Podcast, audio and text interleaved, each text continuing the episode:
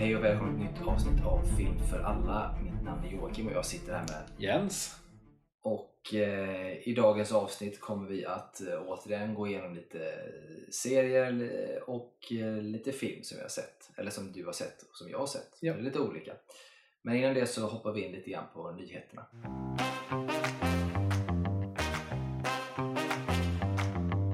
Och nyheterna denna gången jag tänker att vi kan ta ner det som eh, nämndes i förra avsnittet när vi pratade lite grann om Batman och den här Asian-castingen som varit. Det finns ju, och det här är ju som sagt väldigt lösa rykten alltihop för det kommer från ett, en person som eh, slänger ut sig hur mycket nyheter eller sådana här grejer som helst, här breaking och hit och dit. Som, eh, ja, vad kan man säga, 50% av gångerna kanske det stämmer. Vilket inte är så hög sannolikhet. Det är mer som att de gissar. Ja, ungefär så. Eh, men det är ju samma då som hörde det här med Asian American för Batman. Men så finns det ett nytt rykte nu som säger att det finns en skådespelare som heter Pearson Fody. Eh, som sägs ha varit på någon form av audition för Batman. Eh, och har påstått att han själv har teasat att han skulle spela Batman. Ehm, och grejen är att om man tittar på bilder på honom, han har gjort sådana här lite iCarly och varit med så här, alltså, Disney person som varit innan. Mm. Och när man tittar på bilder så tänker man bara att ja, men det hade absolut kunnat vara en bra Bruce Wayne och bra Batman. Eh, problemet är bara att han är för ung. är för unga. Eh, De är yngre än mig. Ja, han är född 91 tror jag. Där. Ja. Och ah, han, är, han är liksom om man då ska ha en Batman som ska ha en, den här Damien då, sonen i den här eh, som det förmodligen ska vara då, för det är ju Batman Brave and the Bold Ja. Eh, så då ska han ju ha en, en son där. Och även om man tänker sig att okej, Batman kommer inte komma än, det kommer gå några år till så att han hinner kanske bli 33 och så tänker man att okej, men även om han är 33, 34 så kanske han skulle kunna spela att han är i alla fall 36, 37 och skulle Damien då vara 10 år så kan han ha fått ett barn när han var 25 med Batman då. Men då är frågan, kommer Damien vara 10 år? Alltså det blir lite sådana frågetecken kring det. Sen vet jag inte hur man gör, hur, hur han tänker. Eh, men vill han ha en, en liten äldre Batman som har på ett tag så kanske man behöver tänka om det. Alltså, jag, jag, jag känner inte till han alls. eller Alltså, jag, har ingen, jag har ingen aning hur han är. Jag bara gick in och kollade lite bilder så var jag så här, han ser väldigt ung ut liksom. Men så fanns det en bild här som bara utseendemässigt bara kände så här, ja men det ser lite, han ser lite för glad ut kanske men det var ändå väldigt brucigt. Ja, eh, ja, exakt. Jag har, sett, jag har tittat på den också och flera bilder för jag visste inte heller. vad man Det var den enda bilden han hade lite mörkare hår, alla andra han är rätt ljushårig. Alltså jag hittade några bilder till när han var mörkhårig och också såg sådär, han ser jävligt Bruce ut. Alltså han, han ser verkligen ut, han skulle kunna spela en Batman liksom. Eh, sen har jag aldrig hört talas eller sett honom heller innan. Nej. Vilket skulle kunna vara bra för en Batman. Ja, alltså jag gillar ju, alltså jag gillar nästan alltid när det är rätt okända skådespelare. Ja, jag, jag tror det. Och det är lite eller så här, både på gott, och ont ska jag säga. Men det är lite grann som Mark Hamill och Luke Skywalker till exempel. När han fick den rollen. Att det blir ju man blir ju synonymt med den rollen. Och Ja. en, en, en skådespelare som inte är känd på något annat utan gör det här så blir det det som det, det är det du kommer bli eh, många Ja. gånger i din karriär. Sen är det inte alla som hamnar så. Henry Cavill har inte blivit så, men av olika skäl. Han är ändå Superman för många, men han är också The Witcher och han gör ju saker vid sidan om. Och Ja. det kanske finns en, en annan värld idag. Men den här snubben skulle kunna göra en bra Batman, men utefter vad man hört att det ska handla om med det, så har jag svårt att se det. Han behöver kanske ha någon äldre. Jag vet inte hur de tänker lösa det. Men det är klart att man skulle kunna säga, för Batman känns ju många gånger eh, ageless, eller vad man ska säga. Så jag menar, han skulle ju lika kunna vara, alltså, säg att, hade någon sagt till mig att Pearson Ford är 40, jag hade ju tänkt att ja, det kanske han är. Alltså, Men alltså, jag tror att man behöver inte gå jätte... Det, var som du sa det förut, alltså, han är ju i verkligheten vad han blir 32. Eh, visst, man kan agea upp han lite grann. Det är ju inte så konstigt. Alltså, det har ju mycket med hur man bär sig och sånt där också. Man är lite äldre. Och jag menar, kör man också att Damien är ett barn, vilket jag hoppas att han är, mm, eh, så, så är det ju också så här. Det kan ju vara fullt rimligt att han, att han eh, var med Talia när han tränade i 20-årsåldern och hon blev gravid. Ja, ja men gud. Så ja. det, går, det går ju med hans ålder, men jag, alltså, jag har aldrig hört talas om honom innan. Jag vet inte vem han är, så jag har ingen aning om han ska funka. Nej, inte. mer än att utseendemässigt så funkar det. Förutom att på alla bilder ser han för glad ut. Ja. Man hade ju velat se honom se mer typ arg och butter Ja. ut för att man ska få till förståelse på något sätt. Eh, men ja, det är klart att det går att lösa. Om Damien bara är 10 år till exempel så går det att lösa. För, och sen beror det på vilken, vilken Batman backstory behöver man inte ens hantera egentligen Nej, i film. nej. För Batman i olika iterationer har ju åkt ut så tidigt som 12 år och tränat i världen till att han har varit runt 20 åren och åkt ut och tränat. Så att, eh, han, det kan ju hänt när som helst egentligen och han har en, en bra... Så att, eh, ja, det är hur som helst intressant rykte för han var, han var ju väldigt eh, Bruce Wayne och Batman-lik liksom, snubbe. Mm. Mm. Igenom. Eh, men vi släpper det. Eh, hoppar på bara en liten blänkare kring att eh, det står ju inte helt still i, eh, i Alien-värld-filmerna. Eh, för nu har det det. gjorts, eh, alltså det gjordes ju då alltså de klassiska Aliens som vi känner till. Och sen har ju då gjorts eh, eh, Prometheus och Alien Covenant då, Mm. eh, som kom. Och sen har det då gått sju år sedan dess, eh, sista kom och så nu då är den nya filmen Alien som ska komma slutfilmad och klar. Liksom. Den nu går in i postproduktion Mm. då. Eh, det finns ju bara väldigt lösa rykten om den, men, men det, eh, eller knappt det ska jag säga, för det är väldigt tight-lipped. Det är typ ingen som vet vad den handlar om. Alltså jag, jag hade inte ens speciellt koll på att det skulle komma en Alien-film. Förrän, Nej. jag, förrän jag läste att, att inspelningen är klar, jag bara ja. Nej men lite så. Jag vet att när jag läste om det första gången så var det någon, och det här var nog mer någon som bara i typ krönikeform eh, liksom pratade ur sig vad han, han trodde om detta. Och det var liksom allt möjligt från att det skulle kunna handla om, för det finns ju tv-spel som handlar om eh, Ripleys dotter Mm. som åker ut och letar efter henne. För att mellan ettan och tvåan så går det ju många om år. Och någonstans där så har ju Aliens, eller vet du, Ripleys dotter vuxit upp på jorden då. Ja, och ja. i spelen så spelar du henne som åker och letar efter sin Mm, mamma. Eh, Så det fanns en sån här teori om att det eventuellt skulle vara en till kvinnlig stark huvudkaraktär och att det skulle vara Ripleys dotter. Att det skulle handla om det då, så det blir liksom en slags prequel. Alltså den hör, det precis som Prometheus så kommer den inte utspela sig också innan men att detta är då mellan på något sätt och sådär. Så det har varit så mycket med så Alien-filmer och serier de senaste typ 10 åren så jag, typ, jag tror jag har stängt av det. Och typ, för att det har varit så mycket så här att en sak är på gång och sen blir det inte av och sen en annan sak är på gång och det blir inte av. Så det har varit så här typ, ja, kommer det så kommer det, annars händer det blir ingenting. Nej men precis, samtidigt så blir man ju lite så här, jag, jag ser ju fram emot en, en bra Alien-film. Eh, Alltså jag var ju lite, jag var ju lite taggad på när det, det var nära på att bli den här Alien-serien av Neil Blomkamp. mm, mm. Eh, Som för där, länge. Ja. Ja, som höll på länge och det, det var jättenära att det blev. Eh, för där var ju poängen att de skulle ju retconna universumet där och eh, det skulle vara en direkt uppföljare på tvåan. Tvåan, ja. Eh, vilket jag tyckte om jättemycket för jag tycker trean och fyran är inte speciellt bra. Speciellt trean. Ja, det är så Eh. roligt för jag tycker trean, jag, jag gillar på något sätt trean. När såg du trean sist? Men det är inte så länge sedan. Alltså. Alltså jag förstår, rent filmiskt så förstår jag att man inte kanske, ja typ till viss del gillar det. Men dels tycker jag att det är så mycket bra skådisar. Det känns instängt och det är trångt och det är mörkt och det är jag, jobbigt. tycker, jag tycker den är dålig på alla plan som går att ha. Jag tycker inte att det är så jävla illa så, som folk säger. Jag, alltså jag, jag, kan förstå, jag kan förstå det ur ett rent filmiskt perspektiv att man tycker det. Men jag kan ändå på något sätt tycka att den har sin charm. Alltså. Sen tycker jag rent, rent så här karaktärsmässigt, om man tittar, nu har ju det gjorts fyra filmer med Ripley. Om man tittar på de fyra filmerna så tycker jag att liksom eh, trean, eh, alltså det de gör med den karaktären, det liksom sviker utvecklingen av vad den karaktären kan gå någonstans. Sen Ripley, fyran är ju inte Ripley längre eftersom det är en klon. Men eh, Ja, det finns ju vissa saker som är lite småstöriga såklart i, eh, i den. För det som är grejen med eh, eh, första Alien är ju, är ju liksom den filmen den är. Sen gjorde de ju tvåan och där tog James Cameron liksom karaktären som var bra och, och satte det i ett nytt kontext. Liksom.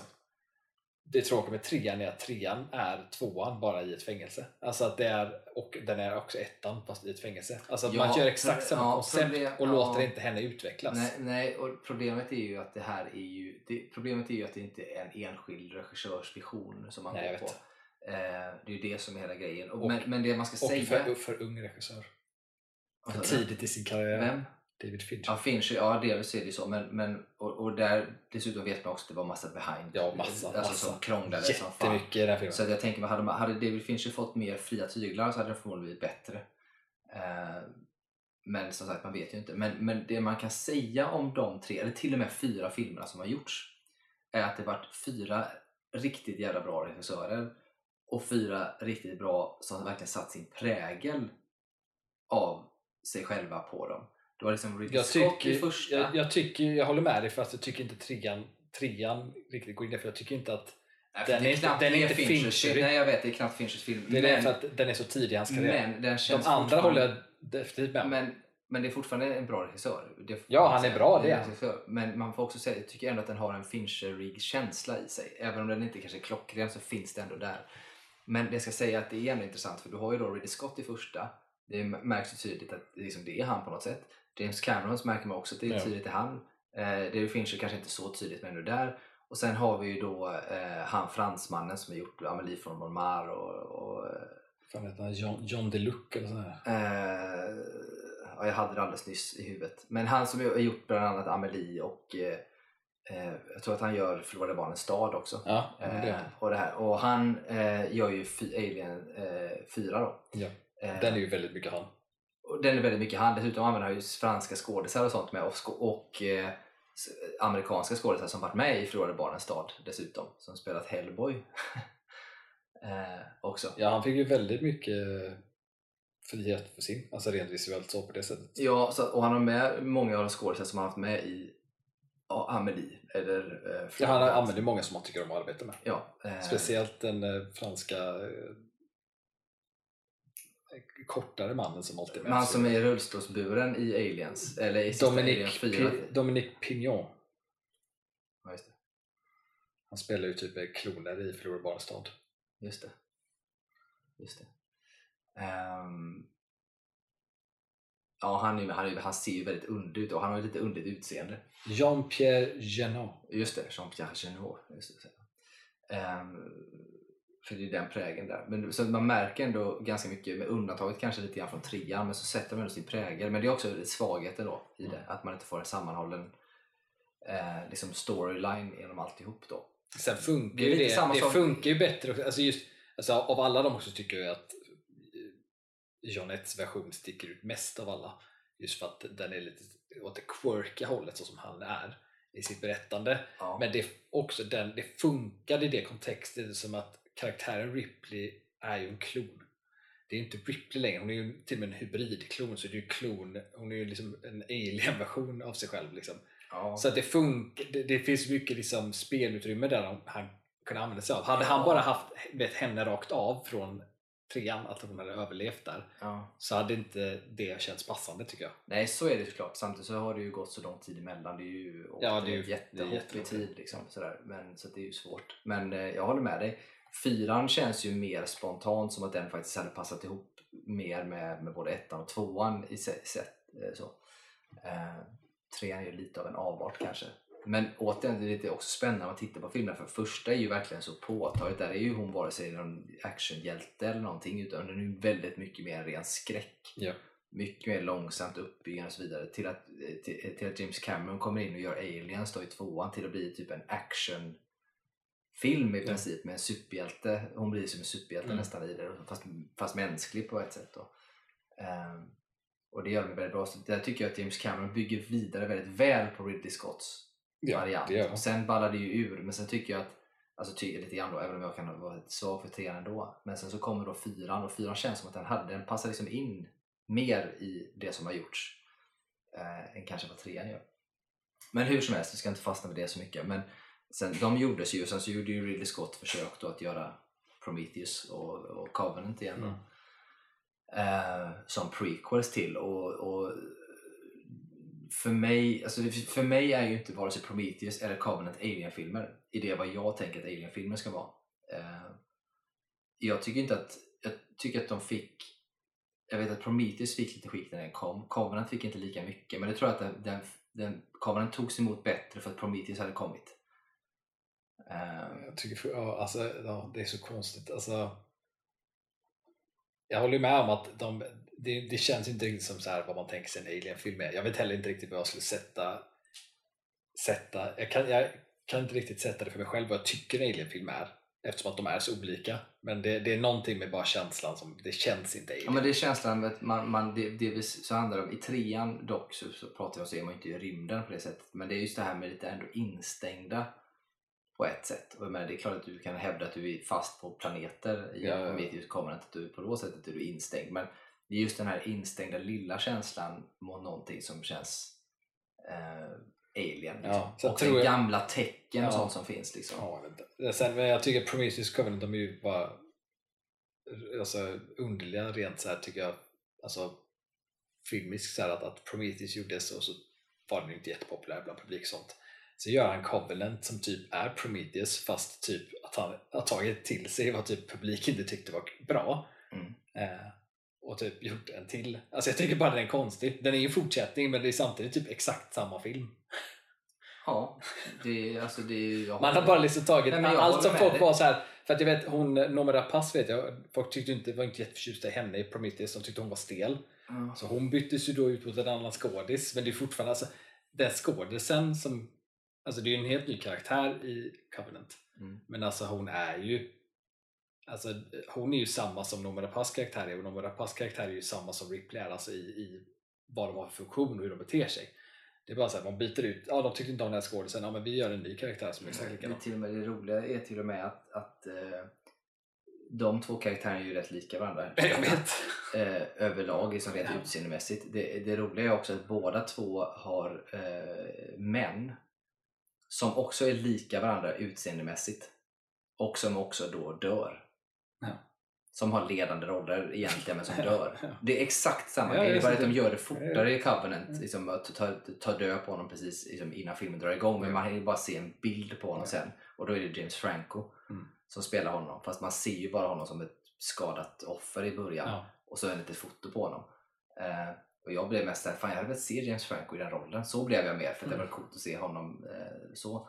Men i första så är det ju han, som inte kommer ihåg heter, men han är ju som, han är, i den första så är det typ poor man's James Franco kan man säga. Han blev väl större sen men, men de är så lika varandra och karaktären är lika varandra och det är samma ark de båda har. Ja, jag vet. Och sådär. Men jag håller med dig, för jag tycker, ju- jag har ju, tycker att de fick oförtjänt mycket skit. Jag tycker ändå att de är helt okej, men det är samma film i princip. Ja. Har du sett en har du sett båda. Ja. Det är därför jag föredrar, det är därför jag föredrar att titta på Prometheus framför Covenant. För att jag tycker Covenant känns som jag tycker, det, det är en av de här filmerna jag tycker Ridley Scott har gjort det för att jag tycker annars han är så himla han är, han är så väldigt så tydlig med vad han vill göra och vill ha sagt i sina filmer men Covenant är en av de här få filmerna han gör det det känns som att han på något sätt så här det, det, han bara anpassar sig, alltså konstnärligt. Ja, möjligt. Och det gör att jag tycker att Prometheus är lite mer intressant filmiskt. Ja, jag kan förstå vad du menar. Ja, det är både och där för mig. Dels så har han ju tagit bort i Covenant de här eh, stora människorna som planterar, eh, som planterar oss. säger, Som vi Ja, men det, är som, det är för lite alien i Prometheus, så i Covenant så har vi alien som ser ut som alien. ja, men tydligen så är det här med, alltså man ser det i början på Ja, jag Prometheus, den här som, The creators. Ja, precis. Eh, Det har man ju skalat bort och tagit bort i första. Men däremot så börjar det nästan liknande ändå. För att första men börjar David tar ju den först, rollen. Ja, för första börjar ju med Han den till en planet och släpper ut. creator så ser man det och sen så ser man liksom lite grann att den här alltså Wayland Industries-snubben som presenterar vad de ska göra och det, i, i andra i Covenant så börjar det med den här Wayland Industries-snubben som ska presentera vad de ska göra och sen hoppar det till David och David i första också så, det, är- det, så det, man kan nästan sätta på dem samtidigt filmerna Mm. så kommer du liksom se att det följer samma Ja. i, i, te- vilket är väldigt intressant för det är verkligen jättelika varandra. Och jag tycker som sagt att jag föredrar ju Alltså det spelar det beror i humör jag är på. Och är jag har sett Prometheus kanske lite fler gånger men jag föredrar ju Covenant just för att den jag tycker att det är lite långsamt när den först ska presentera den här creatorn så ska tycka ni. Alltså det, det, den går fortare igång i Covenant vilket jag tycker är skönt. Eh, men sen så är det typ samma film. Men vi ska inte fastna vid Nej, fastna och prata Gud, jag, kan, jag kan prata ännu mer men skitsamma. Vi, Ja, vi, vi kan går prata jättemycket om det. kanske vi får göra. Kanske får ta det. Återvända Återvända till, till- Alien, Ja. Alien-tema någon gång. Ja. Hur som helst så är vi klara med den och ingen vet vad den ska handla om. Så vi får väl se vad det blir av den. Får vänta med spänning. Ja, lite så. Eh, på ett sätt hoppas jag. På, det var coolt att ta eh, Ripleys dotter. Det var coolt att ha den storyn för att se hur hon gjorde för att försöka hitta sin mamma. Samtidigt så hade det varit kul att se någonting helt annat också. Mm. Eh, Men jag vill som sagt tillbaka mer till det här man har gjort att det såg mer gritty ut. Det känns som att man levt i rymden länge och de gamla industrifartygen liksom, verkligen stora. Så här. Det hade jag velat se tillbaka till liksom, på något sätt. Så som det såg ut på 80 och 70-tals Ja, sci-fi. Liksom. jag, jag, jag, vill, jag, jag skulle också säga att jag, jag vill ju hellre att de lutar sig in mer i, i skräck som första Alien var. Absolut. Me- mer åt det hållet och sen får det gärna För jag tycker. Xenomorphs, alltså idén av Xenomorphs är liksom födda ur ett skräcktema. Jag tycker varelsen funkar som bäst när den används som en skräckgrej. Och Ja. inte som en actiongrej. Nej, och lite grann, och det tycker jag ändå att man gör relativt bra i Aliens med, med Cameron också för att man bygger vidare på skräck, även om det blir mer actionfilm. Men det är också det här med att, och det som man pratar i all skräckfilm som både du och jag uppskattar också, det är det här att ett, ett, ett hot eller en skräckfilm är mycket läskigare när man inte ser det. Ja men det är James Camerons, bara säga kort, där tycker jag, jag tycker att han gör en bra film. Det är bara det att där, där går filmen typ från lite mer så skräckig med dem, blir mer action längst den går. Och det tycker jag syns i att, att man inte, jag när jag ser- den filmen, jag är inte liksom rädd för fem ören när hon slåss mot eh, drottningen. För Nej, drottningen nej. ser vi konstant. Hon är stor, hon är ett hot, men jag är inte orolig överhuvudtaget. Men i början av, av Aliens, när de inte ser och vi helt plötsligt märker att de är i taket och allt det där, då sitter man på spänn.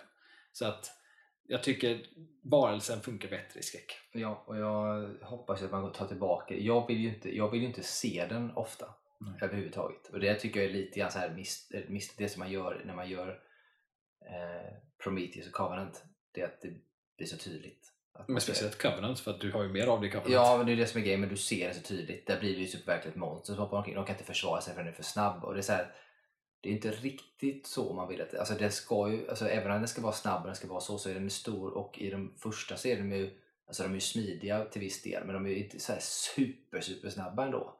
Och de rör sig lite hackigt och det har ju med teknologi att Ja, göra är såklart. Men det ger ju en liten effekt att människor ändå har en viss chans ändå. Men att det är livsfarligt. Lyckas den ta sig fram för den är tyst och smyger sig fram, lyckas, då är du körd. Men annars så blir det mest att alltså, det blir för svårt och människorna måste liksom ta fram stora vapen och det blir action som gäller. Så, att, ja. Ehm, så det hoppas vi på. Det släpper det. En rolig, inte en nyhet, det är bara en liten, eh, vad ska man kalla det för, en blänkare. Och det är det här med Oppenheimer som kommer snart eh, av Nolan. Mm. Där finns det ju han, han, eh, vi har ju tydligen då eh, Robert Pattinson att tacka för Oppenheimer. Alltså. Eh, läste jag i, om det var igår kväll eller om det var till och med idag. Nej, men då är det tydligen så här att jag tror att det var under, om det var precis i början på inspelningen av Tenet eller om det var precis innan där så, hade, så gav ju Pattinson en bok till eh, Nolan om Oppenheimer. Mhm. Och det var så han fick idén till att eh, göra det, vad jag förstår på något sätt. Och på den vägen är det. Så det är ändå lite roligt att eh, eh, Robert Pattinson, vår eh, just nu favorit Batman, har gett oss detta. Då blir jag lite mer nervös för filmen. För då? att det betyder att han inte har arbetat på den så länge. Nej, det har han ju inte gjort sett till så. Det får man ändå göra. Å andra sidan så är det rätt länge sedan Tenet kom alltså. Batman. Jo Bat- men fatta, alltså under Tenet, då är det Tenet han gör. Visst, visst han kan sitta och klura med idéer men han gör det inte. Nej, nej, sånt. gud nej. Men vi får ändå tänka sig att menar, om det är början på Tenet som man gav eller vad som helst. Så har det gått Tenet kom och sen så jag menar Batman spelas in och gjorts med Ja, Robert men Tenet kom ju och- 2020. och släpps. Ja men Batman kom ju 20... 21. Nej, Ja. 2022. Ja men något sånt va. Jag menar, jag menar börjar han efter det så har han ändå haft tid på sig. För jag tänker snarare... Jo, alltså, det, jag tycker inte att det, det är inte orimlig tid. Han, han, han har haft en rätt normal tid på sig att göra den. Det är bara det att jag, jag, jag vet att äh, här, andra gånger han har gjort filmer så vet jag att han har liksom klurat på dem ett tag. Ja men gud, men, det får man ju verkligen säga för det är ju både... kan ju också vara bra. Det kanske är bra att han inte har klurat Nej, på men det. jag tänker så här, för jag tänker med de man har klurat mycket på, så här, Memento till exempel. Eh, måste du sitta och... och Inception och sådär. Har, han ändå... Jag hoppas bara att han har valt, jag vet inte, vilka, jag vet inte vem som har skrivit Oppenheimer. Nej det vet inte jag heller. För Brorsan att han, kanske? eh, men jag tror inte han, han, han har inte, hans bror har inte varit med och skrivit manus senaste gången tror jag. Han har varit med med idéer men inte i själva manuset. Nej jag vet inte vem som Eh, skrivit manus. Så jag vet inte, för det är ju sällan Chris, Christopher gör ju inte det själv, han skriver ju inte mycket. Han, han, han är ju med och skriver men han är ju inte manusfattare. Nej, så kan det vara. Nej, men det som jag tänker med, med Oppenheimer som kan vara positivt till att han har tänkt på det så länge är att det är verkligen bara så här, inspirationen strikes. Alltså det blir så här passionsprojekt verkligen för Ja. man bara får idén och Ja. får göra det bra. Jag tror att det kommer vara så jävla bra, men det får vi se. Eh, det var bara det jag skulle nämna egentligen som var lite roligt. Sista nyheten för idag eh, var ju att det blev ju tydligen klart att Adam Driver och Margot Robbie skulle spela Fantastic Four. Ja, Eh, alltså det var ju aldrig officiellt. Nej, men det blev tydligen klart att de hade tackat ja Ryktena till var ju starka ja, att, och, att de hade tackat ja och allt möjligt då va? Eh, var det. Eh, till att spela då eh, Mr Fantastic och eh, Invisible Woman. Invisible Woman ja. Eh, Reed Richards heter ju han och Susan Storm. Susan Storm. Eh, men nu har ju det ju skrotats för tydligen så var lönerna för dåliga. Eh, var det man hörde. De kunde inte erbjuda tillräckligt med löner, eller lön för dem och då hade de tackat nej. På verkliga vänster. Eh, sen om det stämmer inte, det vet Alltså, jag inte. ja, Men, eh, fan, alltså, oh, gud. men det är ju så himla orättvist egentligen. Alltså, så här, jag tänkte är som med st- strejk nu och allt det där. Alltså att en skådis, att en skådis är i en pos- position att de kan göra så är så sjukt egentligen om man jämför med resten av industrin. Ja, ja visst, det är, är helt stört. Och sen så, sen så vet man som sagt inte, för jag tror ju vare sig att Adam Driver eller Margot Robbie är någon form av diver. Nej, det tror inte jag heller. Till sin lön på det sättet. Men jag läste Ehm. också att, att med Driver läste jag, men det är så, så säger de ju alltid nästan i alla grejer när något inte går igenom. Det är att jag läste att det också var involverat med så här, alltså det krea, alltså vart det skulle gå. Alltså att han inte var, det var rykten om att så kreativa differences som man alltid har. Ja. Det är också alltid en ursäkt. Ja, ja det, och det brukar man ju använda jätteofta som ursäkt. Sen kan det ju också vara så att när det väl kommer till kritan så, så kan det ju vara så för att Margot Robbie kan jag kanske tänka mig utan att jag känner människan i och för sig. Eh, men Adam Driver har jag lite svårare att se att han skulle vilja låsa upp sig på någonting som för att om man nu tror rykten att Fantastic Four ändå kommer vara liksom, nästa gäng Avengers på något sätt, eller så grundade i det, så är det ganska många år framåt vi pratar om. Det är alltså en ryktas ta över som Reed Richards dock, har du sett vem det var? Jag läste när man kommer inte ihåg vem det var. Och det är ju, eh, eh, jag, vet inte, jag tror att det är din favorit Doctor Who eventuellt, Matt Smith. Ah, nej, det har jag inte läst. Eh, ryktas ju nu efter detta då till att vara den som Ja, fan, jag hade älskat att ha honom där. Next in line till Reed Richards. Och grejen är så att jag tror att han hade kunnat vara en bra Reed Richards. Jag, jag hade kunnat tänka mig honom där. Eh, faktiskt. Så han kan, han kan kanske göra det bra. Ja, alltså jag tycker att han hade blivit, för mig, han hade blivit en bra Reed Richards, han hade också blivit en bra Dr. Doom. Eh, Ja, gud ja. Det jag, vill, jag vill också henne, alltså dels är han ju min favoritdoktor. eh, men jag gillar också Matt Smith så är som min skådis. eh, näst favoritdoktor. Och jag tycker, att, jag tycker att han har haft så himla otur med roller han har fått. Han har varit så på gränsen till att få roller som liksom ska leda till något rätt större. Och jag, liksom, men varenda gång så har det varit en franchise som det bara failar i hela tiden. Och det är så tråkigt för att han är alltid bra i filmerna. Så. Han, gör, han har gjort lite så här filmer som är mer som säga, artsy filmer, där, som han gör bra. Så, Ja. sådär. Och han har gjort en del serier, typ den här, eh, vad heter den, eh, som handlar om kungahuset i England. Eh, The Crown. Ja just det, The Crown ja. Just det. The Ja, Crown. för han spelar väl, han, vem spelar han? Han spelar väl Elizabeths pappa? Är inte det? Nej, han spelar, han spelar Elizabeths man. Just det, just han det. spelar just typ det. första just sången, det, han så spelar spelar första han ju- sången just det. Spelar han ju Just då, eh, vad heter han, prins Philip eller vad det heter då. Eh, men det, där, så han gör ju lite sådana saker då. Men sen så just det här, han har ju misslyckats i filmvärlden för det är typ Terminator eh, som gjordes. Men jag tycker, jag, med. tycker att, jag tycker han gör jättebra insats i Terminator. Filmen är inte speciellt bra, men han gör bra insats. Nej, jag håller med dig. Och sen samma sak att han, jag tycker han gör en bra insats i Morbius, men Morbius-filmen är skräp. Ja. Jag tycker att han gör bra. Jag blir så här, varför kan han inte få vara med i någonting där det faktiskt blir bra? Nej men precis, jag håller med dig för jag eh, tycker också att han är bra. Sen har han ju senast nu gjort eh, hade varit Game kul. of Thrones. Alltså House of också. Dragons. Ja, jag vet. Det hade varit kul också om, eh, om, han, om han dyker upp i Marvel och så kan man ha en scen med, med Mr. Fantastic och med Nebula. Så har man doktorn och Amy Pond igen. Ja, det hade varit lite coolt faktiskt. Det hade varit jävligt mäktigt. Eh, för han är min näst, efter David Tennant så är han min näst favorit. De är nästan jämbördiga för mig. Eh, Ja, de är, de är, alltså, de är nästan jämbördiga för mig med. Det är bara att jag har lite mer eh, nostalgi till Matt Smith än vad jag har till. Ja, jag har ju inte David Tennant för jag har ju inte sett, alltså jag har inte sett så mycket av dem tidigare. Jag har inte sett så många efter de senare heller ska jag säga. Men jag såg ju mestadels när jag började verkligen bli förälskad i Doctor Who var ju under David Tennants tid. Så det har ju liksom det började med Christopher Eccleston ska jag säga. Men han var ju bara ett eller två avsnitt. Sen Ja, det- en, en, första säsongen. Ja men det är alltså det är det Hela, hela första säsongen. Är det hela första verkligen? Men den är ju inte lång den säsongen. Det typ, Inga av säsongerna är långa. nej men det är ju, ja Det det kanske är så. Ja, han är i alla fall väldigt kort tid, sen tar ju David Tennant över.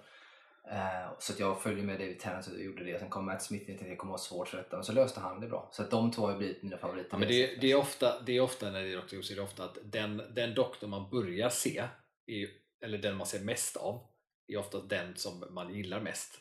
Och Sen är det Ja, alltid så att man är alltid lite tveksam först och sen så lär man liksom älska nästa doktor också. Men den, den första är alltid liksom det bästa. Ja, men lite så är det. Eh, så. Men eh, han är bra. Så vi får väl se om det blir Matt Smith eller inte. Jag hoppas att han får ett break någon gång. Han Han är- ju inte heller, ska man säga, han, är inte, han har ju inte utseendet för sig för att bli en actionstjärna på det sättet. Alltså, typ i en actionfilm. Alltså som en eh, Liam Neeson eller vad som helst. Liksom. Så. Han, eh, han sitter inte ut. Så däremot så gör han ju som sagt bra i House of Dragons då. Där han är ändå vidrig. Jag, eh, har- hade du någon mer nyhet? Nej, vi var klara med nyheterna. För jag, jag har bara ett rykte som jag kommer att tänka på när vi pratade om Marvel. Ehm, och det är ett, ett rykte, fast det är egentligen då flera rykten, eh, kring Deadpool 3. Mm. Som jag har varit inne och såg Jag en, eh, en grej om. Eh, och där var det bara, alltså för mig blev det bara eh, så sjukt. För där var det, nu är, det här är ju bara rykten såklart. Men att, eller alltså det är ju rätt konfirmerat att vi vet att för Owen Wilson ska ju vara med, så TVA kommer vara inblandade. Så det kommer ju vara mycket så tidsresor mellan olika universum och sånt där. TV från Loki. Ja, från Loki-serien. Så det kommer ju vara så här mycket multiverse-grejer. Vilket, och, och det konceptet har man ju vetat om och jag tycker att det konceptet lå- låter kul med en karaktär som Deadpool. Liksom, för att det lånar sig väldigt väl till honom. Liksom. Mm. Ehm, Och alla jobbar med multiverse numera. Ja exakt, alla jobbar med multiverse. Men det var lite det som jag blev för att de här ryktena jag läste om hur, hur faktiskt centrerat allting kommer vara runt multiverse. Att det kommer vara dels flera olika Deadpools, eh, flera Wolverines. De- kommer eh, ha med, det verkar då ryktas om att flera av eh, både original X-Men skådisarna men också de nya X-Men skådisarna kommer dyka upp och att det kommer liksom då skämtas om hur strulig hela X-Men Eh, grejen har varit och bla bla bla, vilket kan väl vara roligt sådär. Men det var bara att det var sån himla fokus runt allt det. Och i- samband med att, att jag läser om det och att allting är så multiverse och så har man precis sett Flash där det var multiverse-grejer. Så nu har jag blivit sån här att jag nästan, jag blir så här, jag vet inte om jag ens tycker att det är kul. Alltså att det är så mycket multi, jag vet inte, det känns som att, att Deadpool gör detta det måste bli något väldigt speciellt för att jag ska typ tycka att det är en bra film vid det här laget tror jag för att det, det känns redan uttjatat. Och att jag liksom för att de, de gör redan ett skämt om X-Men-linjen egentligen, både i Deadpool 1 och 2 skämtar ju han om hur struligt det är. Så jag är sån här, för vem, för vem är Deadpool 3 gjord för? Alltså, och jag tror att jag tänker också bara på det här med James Gunn sa att så här, det görs så mycket sådana filmer som bara görs för att göras och inte varför gör vi det? Och Deadpool mer och mer när jag såg alla de här ryktena kändes mer som varför gör ni det? Mm.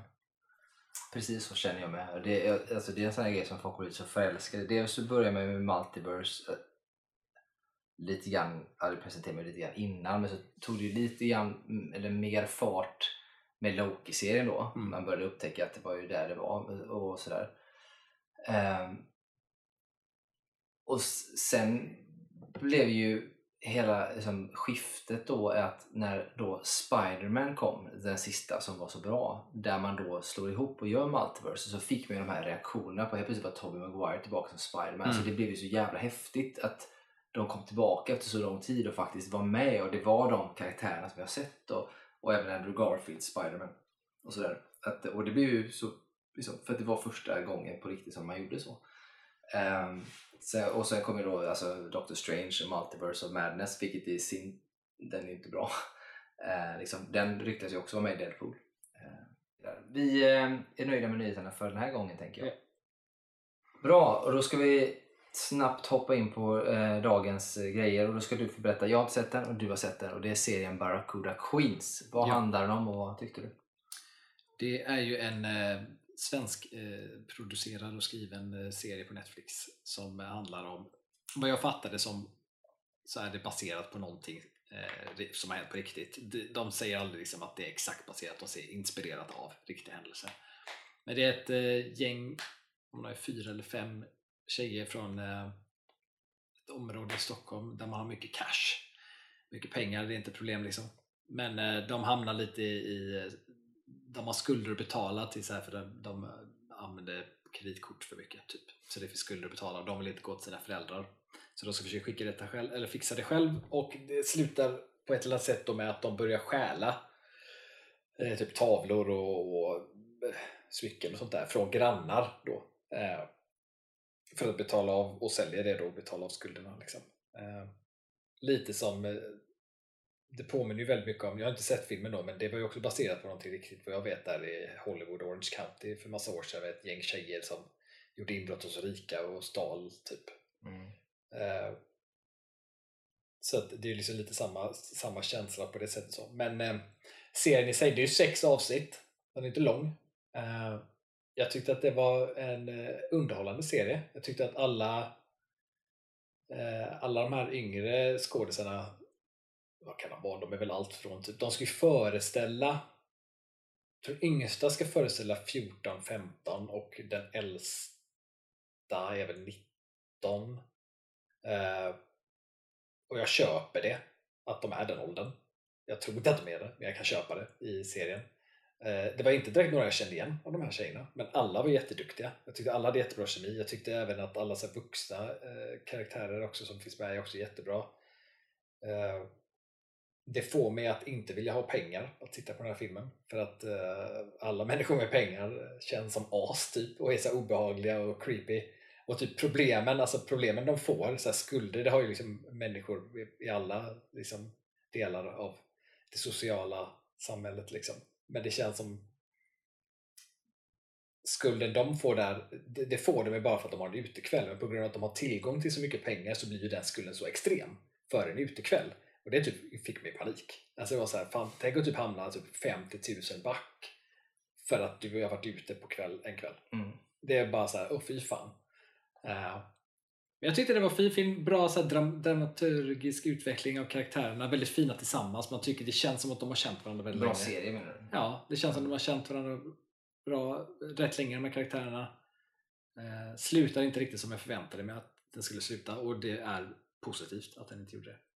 Men en av dem ändå mest så här, sett till så här välbyggda i sin helhet med både så drama och komedi eh, när det kommer till just svenska serier eh, som inte bara är vanlig skandi, skandinoir när det är mörkt och sånt där utan det, det är ändå en, en serie som ska vara rolig men också ha lite drama. Och jag tycker att den är välgjord. Känns som att det har arbetats mycket på den. Ja, och, och ändå väldigt, alltså jag tycker ju ändå, alltså om man jämför också, det är ju Netflix.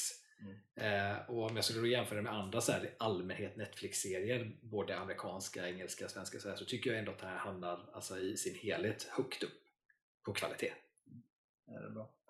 Ja, det hade varit spännande att kanske se den då. Det är ju inte första gången jag hör att den ska vara bra. Samtidigt så är det inte riktigt sånt jag brukar titta på. Men man kan riskera en chans. Bara för att se någonting som är svenskt som kanske är bra då. Ja. Eh, om du ska ratea serien då? Sjua. Ja, det är ändå klart godkänt. Eh, bra. Vi ska hoppa vidare till nästa Yes. eh, tänker jag. Men innan det så vill jag bara säga just det här med eh, ångest för eh, notor eller betalningar. Ja. hörde jag faktiskt när jag lyssnade på en annan podd ehm, som, som inte har med film att göra utan den har med eh, liksom, eh, ja, klassisk herrstil att göra och, och kläder och lite sånt. Men så berättar de, kom de två in där eh, eh, Fredrik och Filip heter de och det är Mm. inte Vikingsson. Det är inte de. Nej, Nej, okej. där är några andra som heter samma sak. Eh, så, men de eh, pratar om när de var lite yngre, de är väl lite äldre än vad jag är. Men pratar om när de var yngre hade en så här, vet, fest i Båstad. hade ju Fredrik ofta. Han var ju sån, liksom, när han var ung så hade han en festfixare så var i Båstad. Och jag tror att det var på någon sån här fest någon gång där de varit med om eh, efter någon sån här för det var helt galet tydligen på den tiden. Så här, vet, att de, de varje kväll eh, vad jag förstod eh, slängde alla möbler och hade nya dagen efter. För att det är så vilt till att saker gick sönder så de fick slänga sig. Men så hade det varit någon sån eh, du vet, fest och så hade det kommit en, en kille tillbaka typ dagen efter eller liknande va? och, och velat ha tillbaka pengarna på typ 80 000 kvällen innan på pappas kreditkort. Liksom. Och där känner man att det är lite svårt att bara ge tillbaka. Alltså du vet, Ja. det går ju inte. Du har ju spenderat pengarna så det är inte så att du kan få tillbaka. Men du vet eh, vilken jävla ångest. Ja.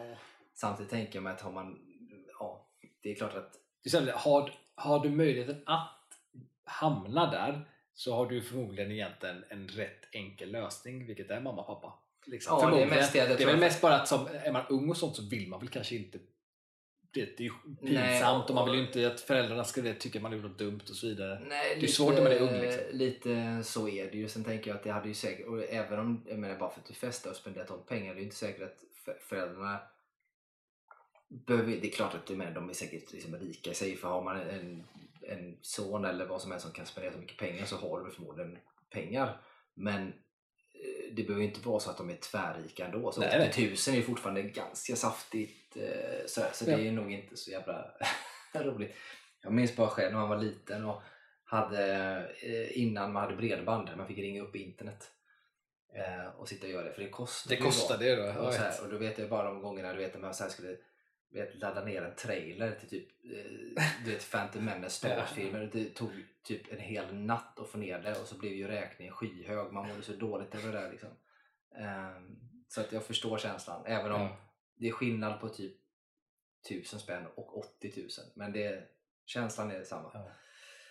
Eh, så det. Men bra, vi hoppar till nästa serie. Eh, och det är en serie som jag har sett för ganska länge sedan. Men som du sett nu då till slut. Och det är ju serien Severance. Ja, Eh, som jag har velat säga jättelänge men aldrig blivit av. Som är en eh, serie, det är ju en, en, eh, en jordad science fiction-serie kan man säga. Det, det är ju Ja. en science fiction med tanke på teknologin som finns i den men sen så är den ju som vi- i vår värld ungefär.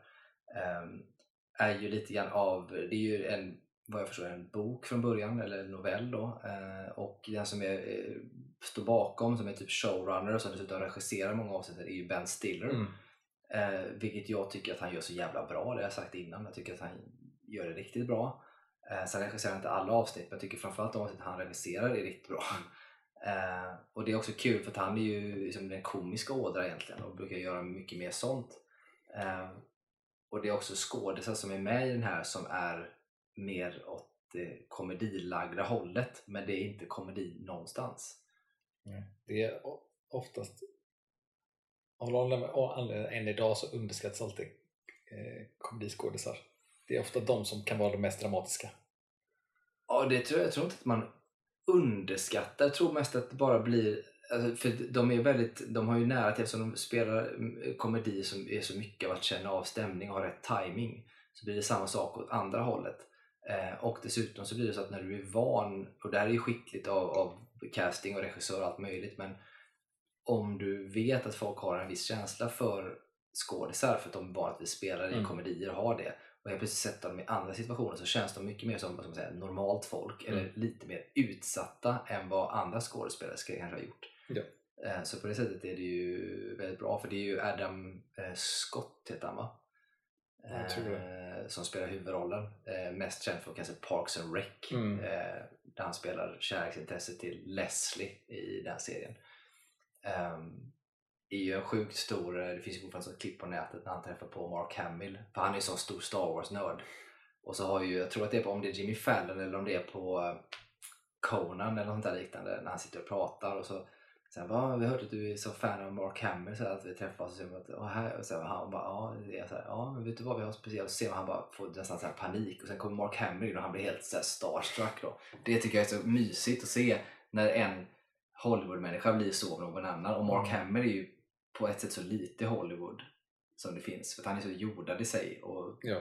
så utanför. Men det, det är ändå lite coolt att se. Men det är en bra serie, men vad, vad tyckte du om den då? Jag älskar ju den. Men Men jag tycker det är bra, det var ju så jag binge den tittar ju liksom. just det, jag ska säga det, vad den handlar om först. Ja, Jag tänkte komma in på det. Nej, du kan inte ta. Eh, för att eh, det, hela den här Severance, jag hade ju läst så lite om den men jag bara, hade glömt bort vad den handlar om. Men så då är det ju att det är som du sa där, att det är ju jordad sci-fi så det är ju typ alternativ värld eller typ vår värld lite i framtiden, hur man vill se det. Mm. Det sägs aldrig.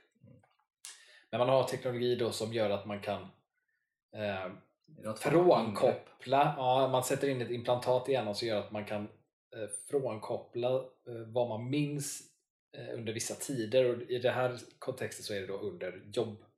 Så de, de jobbar för ett företag, Lumon, tror jag de hette. Och det är ju någonting, jag tror att det, det omvandlas i hissen på jobbet. I hissen ja, jag vet, här- det finns frekvenser. Ja, som- som påverkar. Som sätter av eller stänger på när Ja. grejer eller Så att du är dig själv när du går till jobbet, eh, byter ut så alla grejer du har på dig till något annat, går ner, ställer hissen, åker ner och eh, helt plötsligt så är du inte dig själv längre. Så saker som sker då är ju att du kan ju bara, minnena du gör där nere, där du jobbar, minns du bara där. Mm. Du minns inte dem på ovansidan. Så Eller det på finns insidan. ett, ett work self och ett privat Exakt. self. Ja. Vilket gör att de, när du väl har gått in i hissen då och, och åker ner, den du är där har ju bara upplevt det. Så den, ens work self är ju i stort sett en fånge i en plats eftersom att du kommer aldrig kunna minnas någonting annat än den platsen du är på. Mm.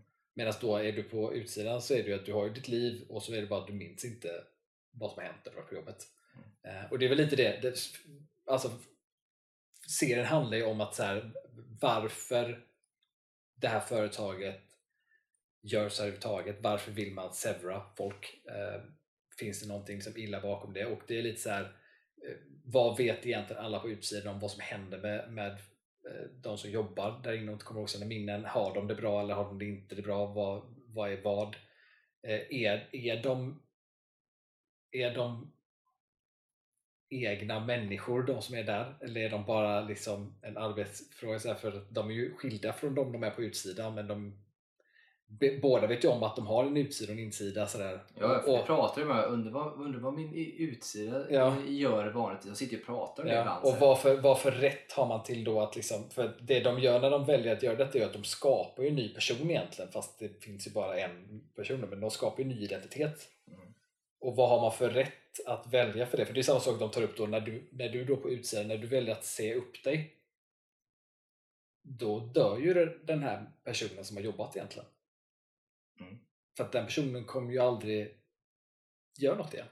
Så den delen av dig som har varit där nere finns ju inte kvar så att det, du, då dör ju någon. Och har man rätt för? Det är ju, massa, det är ju väldigt så höga liksom, filosofiska grejer som går igenom den här. Eh, men det är ju väldigt så här, my, mysterie liksom, serie. Ja, Följa är, mysteriet och utvecklingen så här att se va- varför har saker skett som det skett. Ja, och vi ska inte spoila den kanske Nej. eh, så eh, egentligen. Just för att den är då, för då förstår man hela serien Ja, tänker om man spoilar. Men, men det är hela grejen för man tänker ju att de är ju rätt nöjda så här på utsidan och insidan. Det finns inget, alltså, de traskar ju på i det så då kan man ju fråga sig varför, varför börjar de ens undersöka? Eller vad, vad är det som händer i den här serien? Men då det börjar med att det kommer in en ny person Ja. som helt enkelt börjar ifrågasätta eh, för att första gången man har gjort ett ingrepp och vaknar upp på, på jobbet Ja. så har man inga minnen Nej, ingen minnen överhuvudtaget. Inget. Eh, utan då får man liksom ha någon av de här som hjälper dig att komma in i det. Då? Mm. Och då börjar den här nya tjejen som kommer in, hon ifrågasätter varför hon är där och vilka är ni och allt sådär. Då. Sen sakta men säkert så börjar hon ju också finnas i det så småningom lite grann. Och sådär. Eh, eh, Ja, men det är ju hennes, men det är där- hennes tveksamhet kopplat med att deras före detta som då var han huvudkaraktärens bästa vän där nere, Mm. att han, han slutar ju samtidigt från ingenstans. Och vi får ju reda på att det har ju slutat någon förut tidigare Mm. och då hade inte hu- huvudkaraktären några problem med det men där var det också att där fick man ju heads up. Nu var det bara att han försvann. Mm. Det var liksom inte ens att man fick veta förväg att han skulle sluta så det är också en sån katalysator. Och det finns ju lite sådana saker för vad gör det här företaget och grejen är att man vet, här, man vet inte heller vad de jobbar med. Nej, man har ingen det, aning det, vad de gör. Och det är en sån här väldigt märklig sak. För De, hela, de, de rensar eh, krypterad data eller något där säger de. Och de gör det på känsla. Ja, alltså det är jättemärkligt. Den är- det är Och en- jättekonstigt. nej, Och det är en sån sak som jag antar att man får veta mer om framåt. Ja, jag. ja. Eh, Men, Hoppas jag. Men eh, det är fortfarande väldigt märkligt. Allting är ju ett mysterium. Ja, och det är allt möjligt. Alla andra ju- avdelningar. Ja, de har ju avdelningar som gör olika saker och, ja, och det, man får reda på lite mer i serien Ja. om, det såklart. Men det är väldigt mycket mysterium och det slutar ju också med en ganska stor cliffhanger som man känner att för när jag såg den, och det är rätt länge sedan nu och det ska ju komma en säsong två. Ja, 2024. Ja, och det är rätt långt, alltså nu är det inte så långt kvar, men från när jag såg den första gången, vilket var i princip när den kom, eh, så har det gått ganska lång tid. Och jag minns när jag såg det sista avsnittet på första säsongen, tänkte bara fan. Och då var det inte ens klart att det skulle bli en säsong två, Ja, men jag tänkte att det måste de göra, Ja. för den fick massa bra kritik och så vidare. Jag tänkte, men så ska man behöva vänta, hur länge då? Så, nu har det gått så typ två år, eller vad fan nu är snart. Liksom. Alltså det är ju Ja, eller ett och ett halvt, ja, jag vet inte fan. Men det är, det är ju lång tid alltså. Ja. Och det, det, för det är verkligen en serie som man känner att man vill se mer, man Ja, vill ha mer absolut. av det. Eh, liksom. Och jag tycker det, är jätteintressant. Och, och den, den är fin och den är intressant och den har väldigt mycket, liksom, som du sa, filosofiska frågor i Ja. sig som man kan tolka och analysera och fundera över själv. Eh, nej, sjukt eh, bra. Ja, På alla sätt. 8 av 10. Ja, jag skulle också säga 8 av 10. Eh, faktiskt. Det kanske till och med kunnat gå upp och bli en 9 av 10, men jag säger nog 8 av 10. Den hade blivit en 9 av mig om, eh, om det hade bara varit en säsong och att man hade fokuserat på att knyta ihop allt på en gång.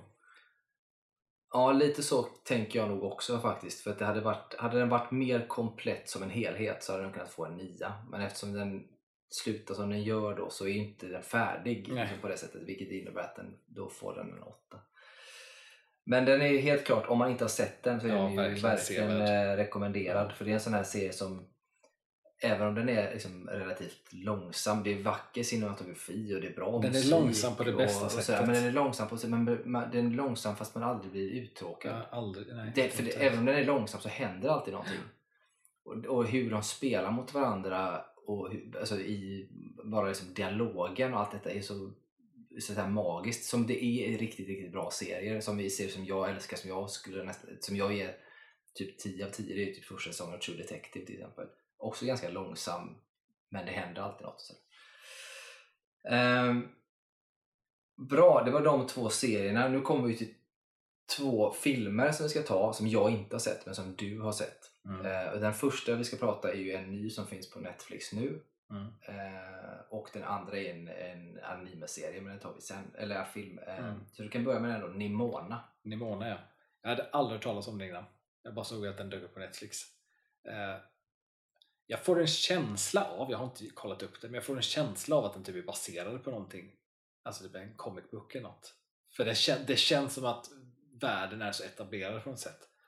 Uh, men ja, det, det är, det handlar om alltså, en alternativ värld. Alltså det är, allting är så designat alltså som om att det är typ så här medeltid fast twistat med teknologi typ. Um, så att det, det, och känns väldigt, alltså i sitt i sin action och sin stil, den är ju väldigt anime-inspirerad det är den. Alltså man märker att, att de har tagit liksom Hur lång är, hur lång är den? en och en halv, en 40 kanske. något Och sånt. vad, vad, han- så vad, vad är handlingen då? Men eh, det handlar om att det finns en, en mur då runt den här staden som det utspelar sig i. Men så finns det då en, Attack on Titan. Ja, Exakt, men så fin- som ska, ja, typ, alltså för att det ska hålla, det ska, det ska, muren är ju där för att skydda dem mot vad de säger är monster. Mm. Eh, Attack on Titan. exakt. Eh, men så, fin, det finns någon, det börjar ju med en legend om den här då, första kvinnan som då skapade den här, hon, hennes, muren var hennes idé, bla bla, och hon då skapade en, alltså en, en order, kan man säga då. Eh. Ja, och den här, och den här orden då är ju då, så går man till- in i framtiden då, så är den här orden kvar då till, det är en poliskår i stort sett, liksom, Mm. fast det är knights. Ehm, och det har alltid varit att, att knights har alltid eh, varit, eh, det har alltid varit blod, det har alltid varit så här, är du son till en knight så blir du det, är du en dotter till en knight så blir du det. Du, Ja, det är ingår det i det. förr. Ja. Ja, så att, eh, men så är det då att eh, huvudkaraktären vi ser då i början är barn och eh, blir räddad av en knight eller någonting så blir han introducerad in i det här och får gå i träningen fastän att han är liksom ett orphan. Vet du vad det påminner om? Attack on Titan. Ja. Ja, jag vet, det gör det. Och sen ett orphan och så hoppar det fram igen då i tiden och det här, allt det här är liksom de första minuterna bara egentligen. Eh, att han ska då bli, eh, vad heter det? Knight. knightad av eh, drottningen då. Första som inte är från en familj av det här liksom. Och så, också ett kärleksintresse då för att han han, eh, alltså de dejtar så tillsammans med en kille som är eh, släkting till skapade allt liksom. Så han är så här, det? Han, han dejtar en kille. ja. Ja. Det är väldigt, det här, filmen är också väldigt så här, inkluderande i, eh, på alla sätt. Verkligen på alla Det sätt. är jättebra. Ja, ja. Eh, Så att vissa medeltida inslag och vissa mindre medeltida inslag. Ja exakt. Eh, Men så, så ska han bli knightad och allt det händer och så är det då att, att alla i det här polisen då gillar ju inte honom förutom då den här Golden Boy som är släktingen så Mm. de är tillsammans. Men så när han ska bli knightad så är det plötsligt så hans svärd eh, blir ett vapen och mördar drottningen. Eh, så blir han wanted. Eh, Hans svärd blir ett vapen. Ja, alltså det är teknologi här också så att det, det, Ja, men- det är inte ett vanligt ja, svärd. men det är typ som en... en Men alltså han håller, han, svärdet är, är, hon håller ju i hans svärd tror jag. ja. Eh, så tar han det, så liksom handtaget, skaftet man säga, blir en pistol typ och skjuter henne. När hon står framför. Form av... Så eh, från, för alla andra ser det ut som att han gör det. Liksom. mm. Och i samband med det så hugger, hugger hans pojkvän av hans arm. Eh, för att försvara drottningen då. Eh, men så blir han wanted man och så handlar det om att han, han eh, det, det, det tar vid därifrån. Så han är wanted. Han, Han blir av med sin arm, är det inte det Attack on Titan? Ja, men- Skitsamma. så han blir liksom eh, ja, jagad då. Men när han blir det så är det en liten eh, tonårstjej som eh, är voiced. Rösten är Chloe, vad heter Chloe Moretz eller vad hon heter. Chloe Grace Moretz. Chloe Grace ja. Moretz. Och jag tycker hon passar svinbra i den rollen. Alltså, hon gör det svinbra. Eh, men hon ser honom och så blir hon så här, henne, hon, hon vill vill hitta honom så hon hittar honom. Liksom, så där. Hon är ju en outcast. Liksom. Eh, och hon är jätteunderlig, så här, jätte, tar ingenting på allvar, är skum och sånt. Eh, och så eh, hjälper hon honom då att bryta sig ut. Eh, och hon är väldigt så här, hon säger hela tiden jag vill vara din, din så här, sidekick. Så här, för att hon har ju sett att han är wanted och så här, hon är så här rebellisk mot allting och vill men så är hon då visar det sig att hon kan eh, förvandla sig till eh, djur. Så det, hon har så här kraft, så hon är ett sånt här monster som ingen vet är där. Och hon, hon är liksom förtryckt liksom av, av allting så att hon vill ju då hämnas. Liksom. Eh, men sen så liksom, det handlar om, att, att, att han behöver acceptera att hon inte är ett monster typ och alla så här, samtidigt som ska bevisa att han är oskyldig. Ja, men det är handlingen i korthet, tänkte vi, vi vill inte spoila hela. Nej. Men eh, det är det det handlar om. Liksom. Det är det det handlar om. Eh, och så, alltså temana är ju liksom förlåtelse, förståelse, acceptans. Det är teman av, av filmen. Ehm, jag, tycker, jag kan verkligen här, se att, alltså den är svinbra animerad och väldigt intressant för den, den är ju väldigt så här animeaktig och lite, känns lite så här lite mer så Spider-Man into the Spider-Verse Mm. animerat stilmässigt så. Uh, uh, snygg design, bra liksom, s- röstspel från folk. Ehm, och jag kan verkligen se, alltså den, den är alltså, den är rätt ytlig och djup. Och anledningen till att den blir ytlig är för att den är lite för kort. Saker går lite för fort. Eh, men jag kan också verkligen se att det känns som en film som barn och unga så här, folk i de yngre tonåren, typ 13-14 skulle tycka är en väldigt rolig film att se. Frågan är hur många som ser på Netflix. Nej, och frågan är hur många ungdomar idag som tittar på tecknat. Det känns som att alla ska titta på... eh, Det är ju titta på Spiderman. Spiderman det är ju svinmånga som tittar på det. På vadå? På Spiderman-filmerna. Animerade. Ja, Jättemånga. det är väl i, i och för sig det. Men jag tänker mig att de ändå är under tonåren. Men jag kan... Eh, ja, jag tror att, att barn eh, gillar nog den filmen jäkligt mycket tror jag. Eh, Eller skulle göra om de ser den. om de ser den. Och jag tror, det är också så väldigt, just eftersom den är så inkluderande och att det inte görs en sak av det. För det är sånt där som jag alltså minns när jag såg saker när jag var liten som jag tror har gjort att, att jag inte har brytt mig om alltså vem folk gillar och sånt där. För att man blir påverkad av hur man växer upp och sånt. Mm. Eh, och det är bara så jag vet som typ i Vänner till exempel. Mm. Den såg jag ju när jag var jätteliten och där hade, hade de ju eh, Ross exfru som var lesbisk liksom och sånt där. Och att det i Vänner var liksom ingen sak. Så att jag vet sen när jag växte upp och såg det så för mig var det bara liksom, ah, det var inte konstigt att en tjej gillar en tjej. Till exempel.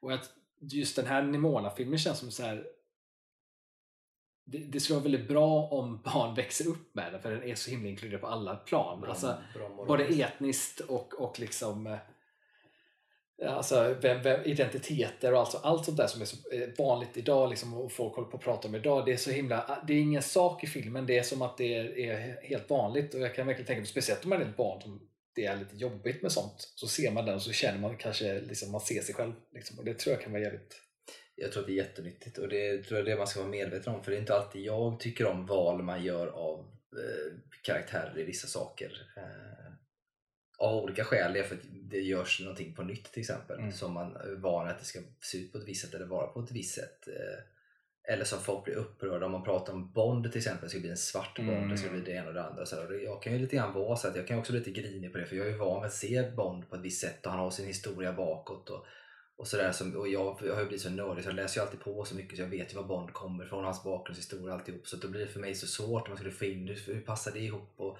det är inte historiskt korrekt och så vidare. Då, va? Ehm, och försöker man ju tänka på det. I vissa fall kan jag störa mig, i vissa fall gör jag det inte. Eh, mest för att jag vill att det ska vara en stringens liksom, i, i handling och vad man gör av det.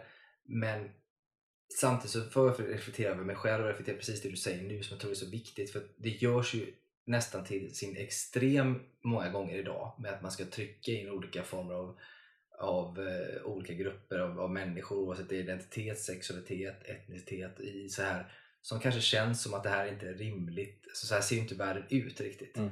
Men när de gör det så visar de kanske hur världen bör se ut. Mm.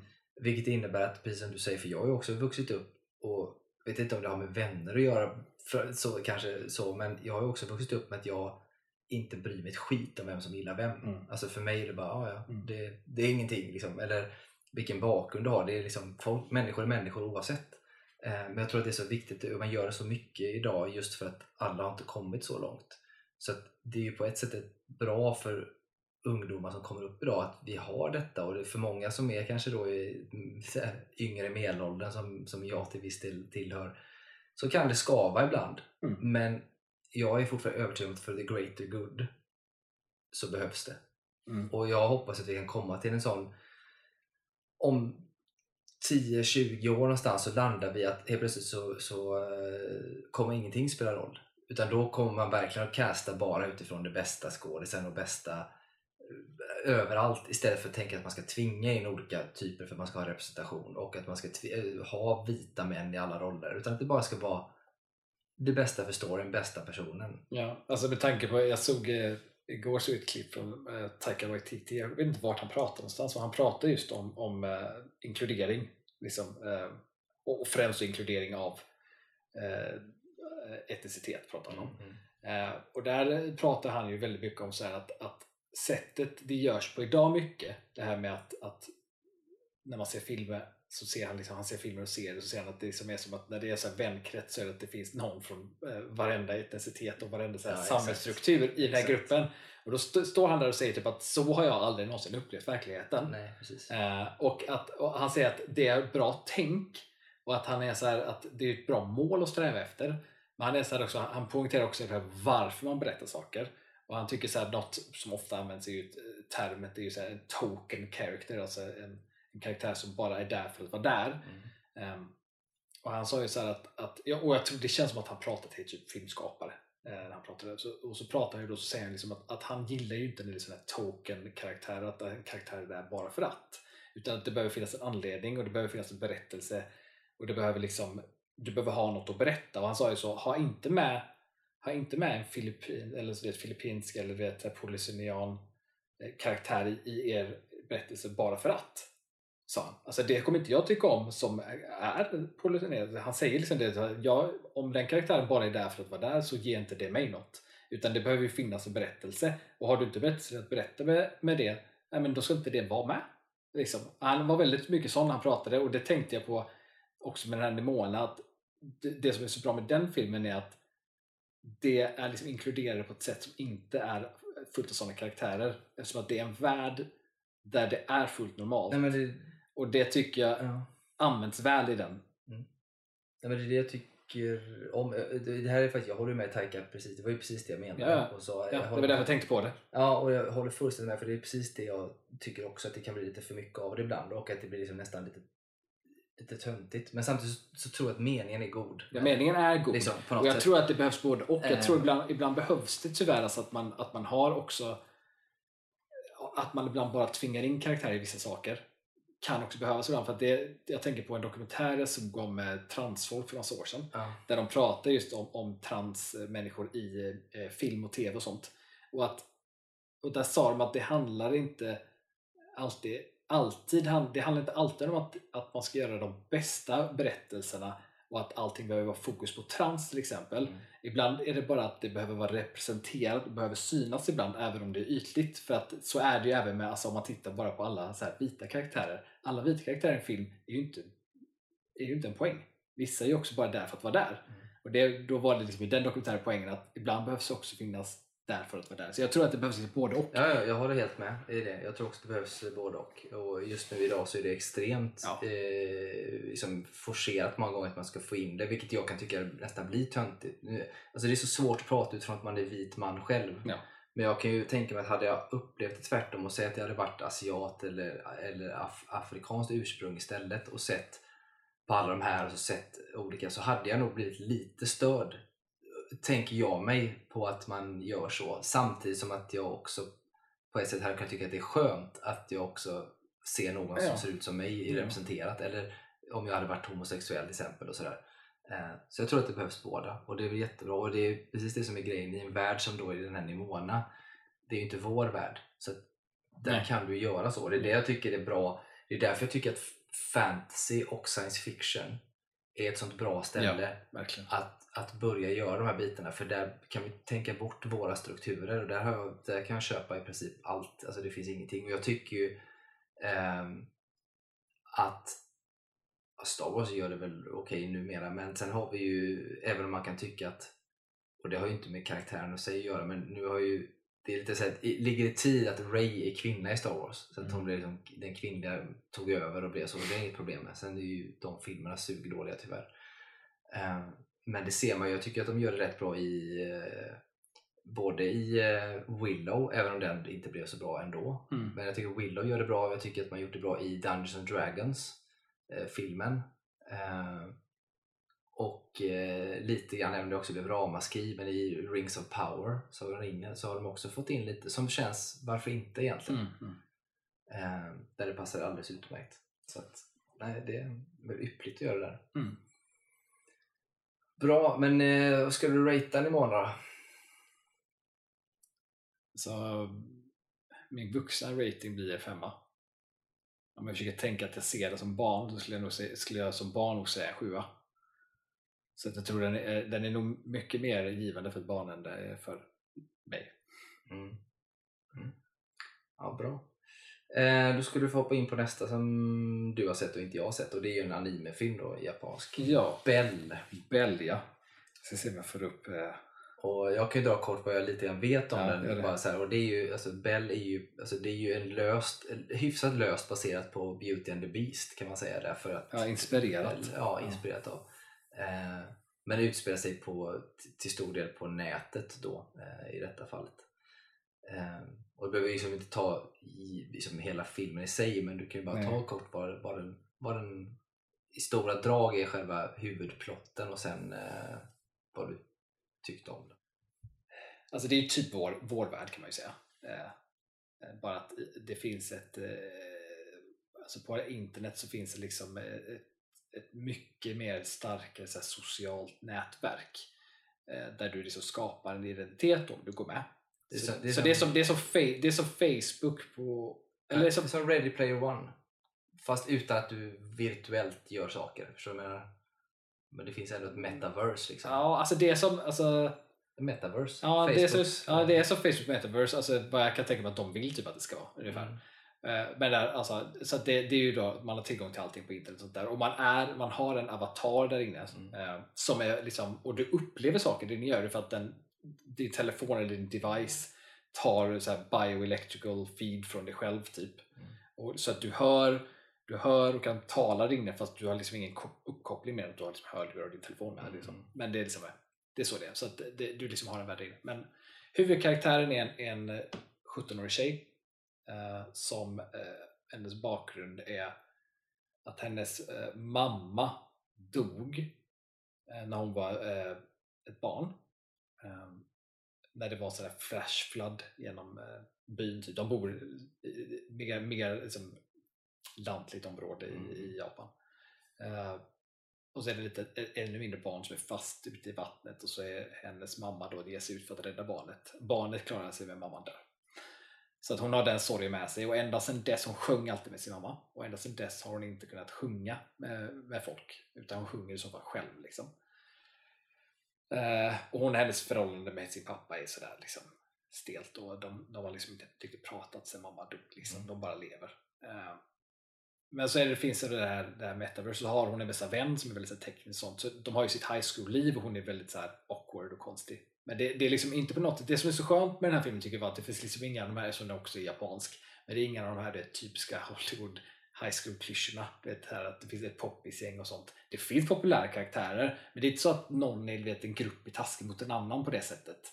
Men det är också lite, lite det sociala spelet av att du har press på dig som tjej på vissa sätt och bla bla bla. Mm. Sånt där. Och speciellt då den pressen liksom av, av internet på dig. Liksom att det sociala nätverk och sånt där. Men så börjar ju filmen då med att hon, hon går med i det här nätverket som hon inte var med innan. Eh, och, och blir då skannad av sin telefon så hon får en, en avatar. Och hon har fräknar Mm. i verkligheten som hennes karaktär också då får. Men bilderna hon ger telefonen eh, är också så här att det finns den snyggaste tjejen i skolan är med på bilden så den tar också liksom, information från typ alla på bilden så att den här karaktären blir väldigt lik den här snygga tjejen i skolan typ. Eh, men så när hon kommer dit så blir hon så här frigiven där inne och börjar sjunga där inne och så blir hon väldigt fort typ, populär. Så hon blir liksom så här megakändis online liksom. Och folk undrar vem hon är Eh, hon liksom vill ju inte säga till någon utan hon vill ju vara där hon är och hennes bästis är ju sån här, hon vet ju att hon kan bara sjunga där och inte någon annanstans och så. Men i allt det här då med att hon blir så populär så dyker då ett, vad de kallar ett, eh, ett odjur upp eh, i det här som är jagade av, av internetpolis typ. Eh, och han, de vill ju ta honom för att han liksom stör ordningen typ eftersom det finns inga riktiga lagar egentligen på nätet men han stör ändå ordningen typ så att de vill ha, få tag på honom. Så den här internetpolisen är som stackars moderatorer som sitter på nätet och... Ja, men typ, som också är sponsrade. De är de enda som är sponsrade typ. Ja. Ehm, och de har ju då en, ett, ett vapen som gör att man kan eh, visa ens riktiga identitet. Liksom. Så det är det de vill göra med monstret då. Så samtidigt som att hon är jättekänd så är också han ökänd eh, på två olika skalor. Liksom. Men så blir det så att hon får upp ett intresse för honom som hon inte riktigt vet varför. Så hon ger sig ut för att hitta honom. Eh, och och, och liksom till slut då hittar honom i ett så här palats typ i, i, på internet. Han har också det så här, han har AIs som är hans egna som är som det inte, de är inte som Lumière och i, i liksom personlighet så men det är ju det Parallellen. Ja. parallellen där.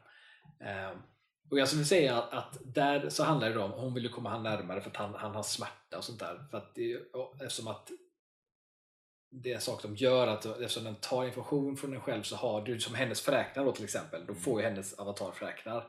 Han har en massa blåmärken att reflektera, reflektera till hela tiden. Som liksom pulserar så att han har liksom ont hela tiden. Så det måste han också ha i verkligheten. Så att hon blir så här, hon vill hjälpa honom men han vill inte ha hennes hjälp. Och det är liksom där parallellen till liksom Skönt odjuret, speciellt Odysseus Disneys version, är så starkast. Att det är så. Men den går inte till kärlekshållet eh, på det sättet. Det, blir som inte, det är för att hon har annat intresse för andra i verkligheten.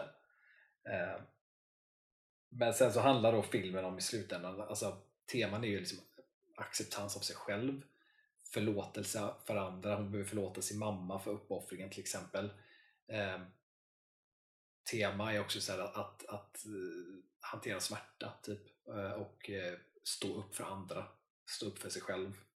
Eh, väldigt många sådana olika plan som jag tycker japanska anime är som bäst när de har så många olika plan av olika saker som händer samtidigt. Eh,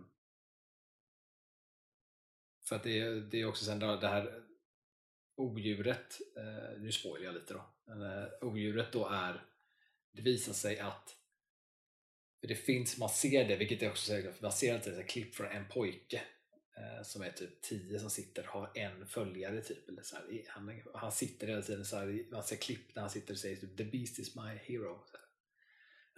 Sen så när de försöker då lista ut vem det här Beast är för att de behöver typ eh, eftersom den här polisen är efter honom så behöver de lista ut om det är.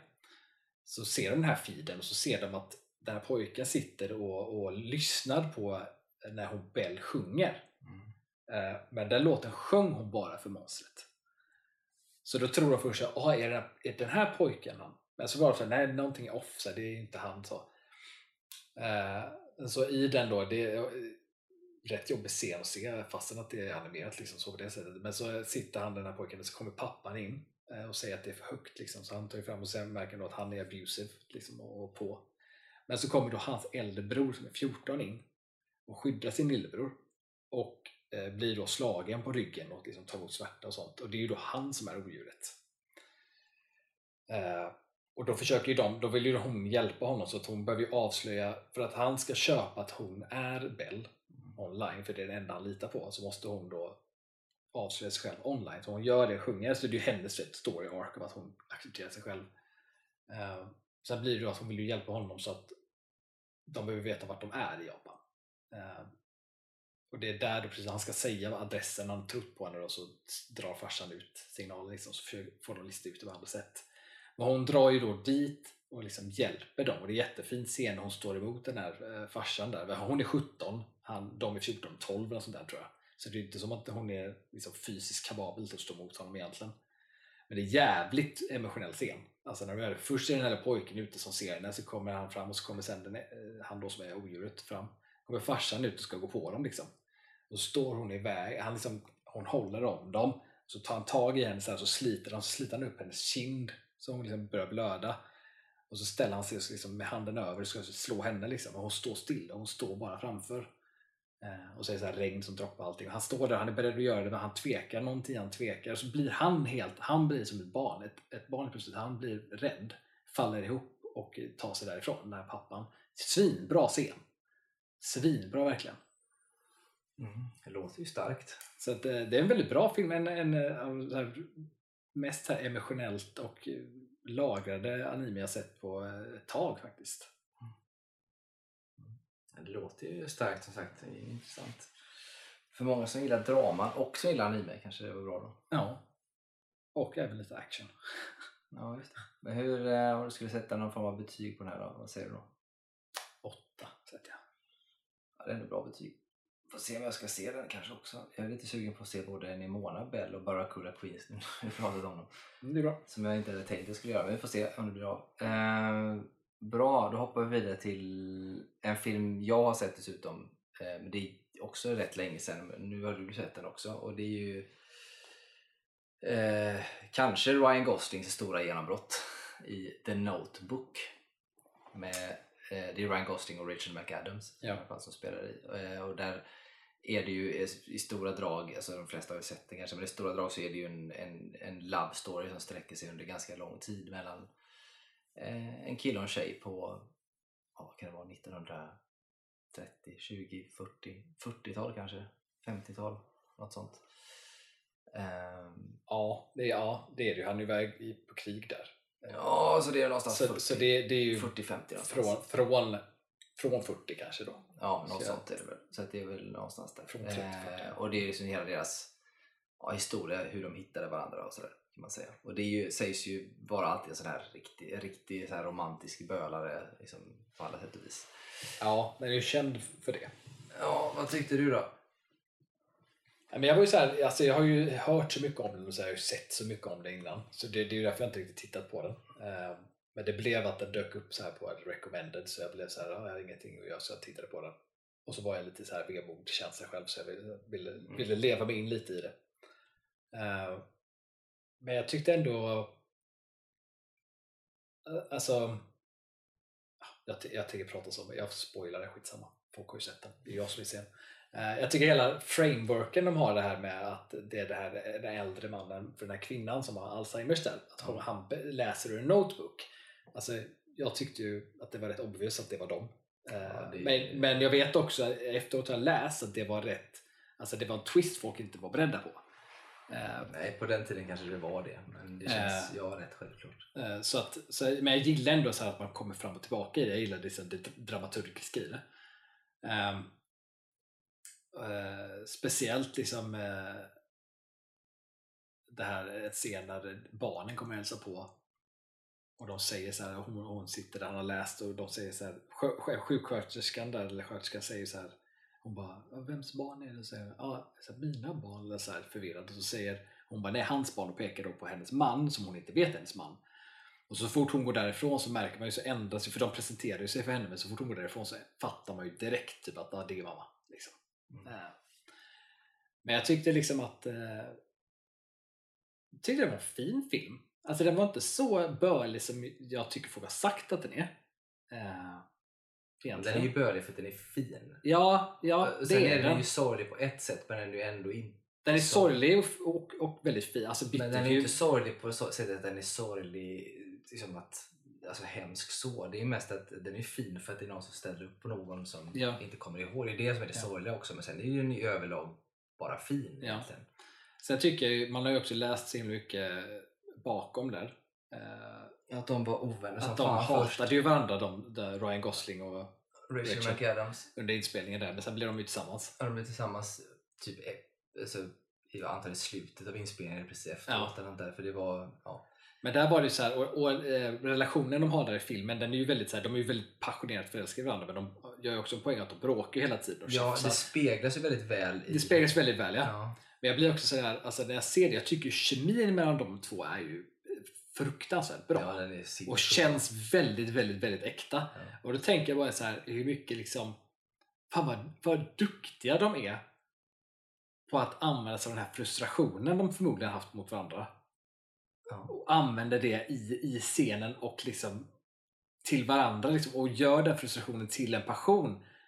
Och jag tycker det var jag väldigt imponerad av. Mm. Jag tror ju, och det är bara min jag tror att de är ju ganska, jag tror att de är goda vänner idag, så egentligen, men jag tror att när de kom in och hade, för de hade väl olika sätt att se på saker, men den här frustrationen, jag tror ju att man brukar prata om att livet, eh, konsten imiterar livet, eller Ja. livet imiterar konsten. Jag tror att i det här läget så tror jag faktiskt att anledningen till att de sen blev ihop är för att när de väl sätter sig i de känslorna som skådespelare och använder på det Ja. sättet så inbjuder man till det. Ja, alltså, det. På ett sätt så är det ju det är ju skickligt att de lyckas använda det i det men de tar sig inte ur det heller sen. Nej, utan de blir liksom kvar i det på något sätt. Men det är det som är, det är lite grann så här lucky stars som faller ner. För att Mm.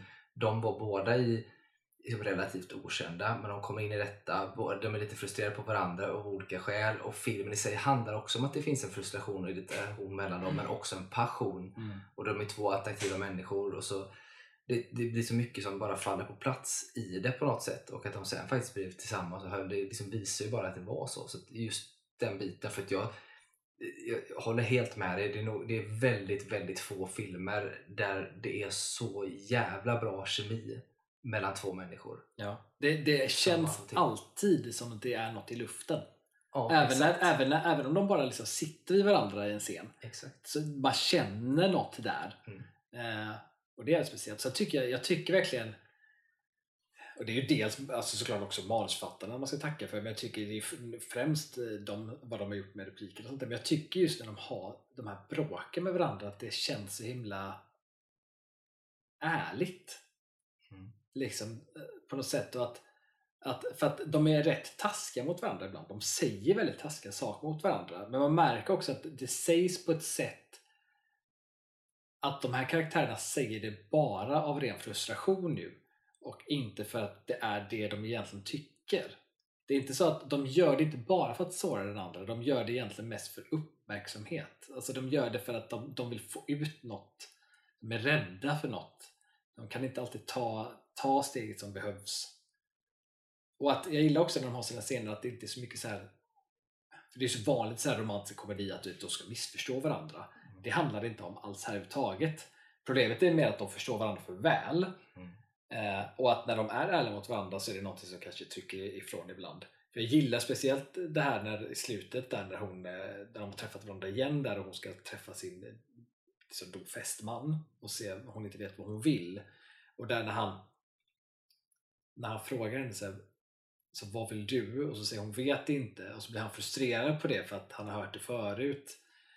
Och så blir han så här, då tyckte jag så här, det var lite, så här, lite klyschigt kanske så där. men sen så förvandlas det väldigt fort till att han fokuserar på så här att det handlar inte om vad, så här, vad jag vill. Jag vill vara med dig. Det handlar inte om vad jag vill. Och det handlar inte om vad han vill. Det handlar inte om vad dina föräldrar vill. Vad vill du? Och att han trycker på den här, vad vill du? Och hon inte kan ta ett beslut. Den Och hur känd arg hon blir av det.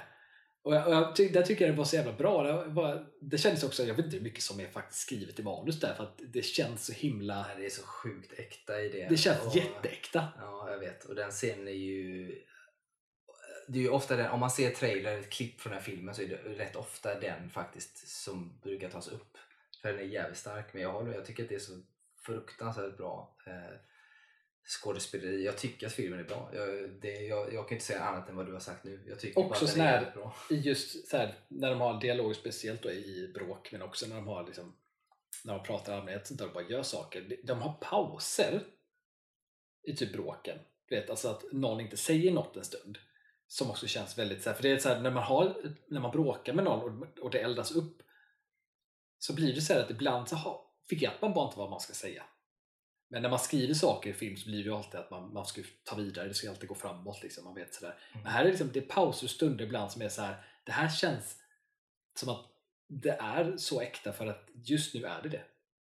Här, är här, det. är plötsligt Men det är har de, här är plötsligt har de en stund då de kanske eventuellt finns så kanske tänkt ibland att repliken ska komma snabbare än vad de gör. Men att förmodligen så är de i en situation då de behöver på riktigt kanske ta ett andetag. För att de är inne i det. Ja, men sen så är det ju hela grejen också just att det är så, för det är så spänt mellan dem och det är inte så för att i andra ställen så är det så att ja, men du bor där och jag bor här och så att man kan liksom, ja men då sticker jag och så drar man. Mm. Men problemet är att han jobbar ju där vad jag fattar det som. Är det inte så? I stan menar du? Nej men han, där, där de är i samma hus där. Det är ju någonting... I just den scenen jag pratar om. Ja, Ja, där, där är det ju att han har gjort ordning det huset, han bor ju där. Ja Hon är ju där och hälsar på. just det. Eh, Hon bor ju inte i stan, men hennes fästman är ju på hotellet, det enda hotell som finns. Så att hon, hon, är hon inte där så måste hon ju träffa sin fästman, så hon, måste ju, hon har ju två dåliga Ja, ställen. men det, det, för det är någonting, jag kommer inte riktigt ihåg hur det var nu, men det är ju någonting i det som gör att de inte hela tiden kan åka iväg heller, utan de blir ju, och de vill ju spendera tid med Ja. varandra, även om de är arga på varandra. Och då åker de iväg så vet de att det kan de inte göra heller, så det Mm. blir de här scenerna där de kanske inte säger så mycket och så. Alltså, det, är så, det är så bra Ja. i det. Jag tycker att den är svinbra. Jag såg den jag tror bara jag sett den en gång, återigen så här för att jag vill inte se om den. För jag minns bara känslan från första så jag vill bara låta det vara eh, där. Men jag tror att det var en sån här klass, klass som det var förr när man hade typ så här, vet, Kanal Plus eller någonting som gick. Och så var det Eh, hemma och så plötsligt bara Ja den här filmen så hade den precis gått igång och så satt man och började titta lite grann och så följde man så fastnade man så fort i den. För det gör man för man drar sig in av de här två fantastiska Mm. skådisarna som bara får en att vilja se mer. Um, alltså den är grymt, grymt bra. Ja, alltså. det är riktigt bra. Men om, du ska, om vi ska ta och betygsätta den lite grann då. Eh, vad säger du då? Alltså det är så svårt för alla filmer kommer att jämföra. Det här är ju en annan genre än vad en science fiction eller en thriller eller en action är. Liksom. Ja, Men- alltså, ja, alltså, jag brukar alltid dels jämföra med, med filmer i samma genre ja, det får man nästan göra. och sen, sen jämför jag liksom i allmänhet också men också hur, hur den fick mig att känna mm, gå, gå in i det men jag skulle ju sätta den jag sätter ju en åtta på den. Mm. Det är ju rätt rimligt. Jag, så här, man pratar om det, jag tänker också någonstans där. Eh, men så försöker jag titta, eh, jag tänker precis som du också, jag försöker jämföra med liknande, så här, det är typ romantiska filmer eller liksom fina filmer på det sättet. Eller filmer som inte kanske är nödvändigtvis romantiska för den har lite en ton av eh, What's Eating Gilbert Grape i sig. ja, det, ja Eh, absolut Så, eh, vilket, och den, den, den har ju vissa romantiska inslag förvisso men den är ju inte det det är fokus på. Men det är lite samma känsla i den. Så jag har med den också och så vidare. Ehm, och då blir den så här, jag vet fan jag tycker att det är svårt. Jag tycker ändå att den är så pass bra att jag tycker att 8 är lite för lågt ändå. Jag får nog fan ge den 9 alltså. Den är nästan en komplett film på Mm. något sätt eh, i sig. För den är så magiskt bra. Så jag, jag sätter nog en 9 ändå, Mm. tror jag. Eh, Det är nog någonstans där. Gilbert Grape hamnar nog också på en 9 skulle jag säga. Om man skulle hamna där. Det är också sjukt bra. Eh, bra, sista filmen för idag. En film som du har sett och som jag inte har sett. Jag har börjat se de första typ 10 minuter, en kvart kanske på den. Mm. Sen så kommer någonting i vägen.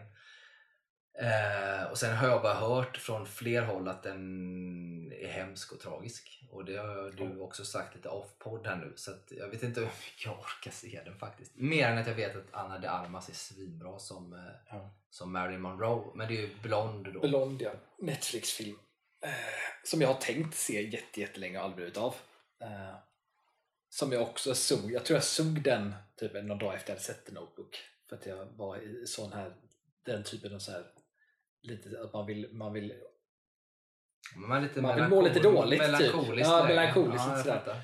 Mm. Eh, men så började jag kolla på den eh, och direkt då fattade jag det som, eller jag kollade, jag kollade upp, för jag, såg, jag kunde inte se den helt rakt av. Dels var det för att jag började titta på den lite för sent på kvällen. Mm. Eh, och sen var den, den är rätt lång, den är nästan tre timmar lång.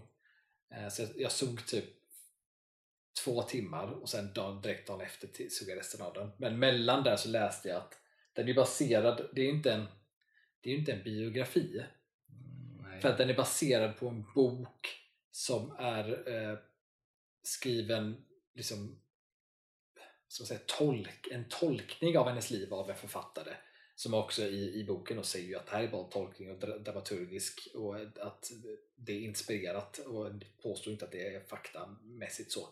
Så att filmen, är, filmen säger aldrig det. Men filmen är ju baserad på den boken. Så att filmen i sig, det, är ingen, det jag fattar ju då när jag börjar fortsätta kolla på den att, att det jag ser är ju förmodligen inte sanning. Alltså det är ju tolkning då, Nej. såklart. Och det är sånt jag har lite svårt för att säga när man... Ja men det, det gjorde att jag, tyckte, jag visste, visste inte riktigt vad jag skulle tycka om filmen. Men eh, oavsett så är det så, jag kan ändå tänka mig också att när man tittar på den, så oavsett då när jag såg klart på den så var det så här, alltså hon, författaren har ju förmodligen tagit det här från ingenstans. Alltså, även om saker är liksom dramatiserade så är det förmodligen inspirerat av mycket. Eh, och till exempel, ett exempel är till exempel då att eh, i filmen så ser man i början att hon, eh, Norma Ray eller vad hon hette då på Mm. riktigt, Marilyn Monroe, att hon blir liksom abused av sin mamma som är- har psykologiska problem. Mm. Där är då ett exempel att man vet att mamman har psykologiska problem, man vet att hon satte sig in på ett institut och sånt. Eh, men det finns inga, inga bevis att hon var eh, fysiskt abusive mot Marilyn. Så där är ju då verkligheten skiljer sig från konsten där. Men sen finns det ju ingenting, alltså det kan ju ha hänt, bara att det finns inga bevis för det. Mm. Så att det är liksom den tolkningen. Och sen är det också att filmen i sig, de har ju med eh, karaktärer och folk i filmen, men namnen är ju liksom förändrade. Eh, typ alltså hennes eh, män hon är med till exempel, eller giftes med, hon var gift tre gånger. Första mannen nämner de inte ens. Men eh, hon var ju, Marilyn var gift med, eh, med baseballspelaren, vad fan han nu heter. Men vem sa du? En baseballspelare, jättekänd baseballspelare. Babe, nej, Babe Ruth är det ju inte. Nej, inte Babe Ruth. Jag vet inte. Ja, jag kommer inte ihåg. I alla fall Miller någonting kanske. Nej, fast Arthur Miller är ju Nej men ja, jag vet. Miller är manusförfattare, jag vet. Hon var gift med honom också. Ja, han var gift med honom också. ja. Eh, Men ja, i alla fall. eh, Den här baseballspelaren då, han heter ju något annat i filmen. Eh, Men det är ju han då.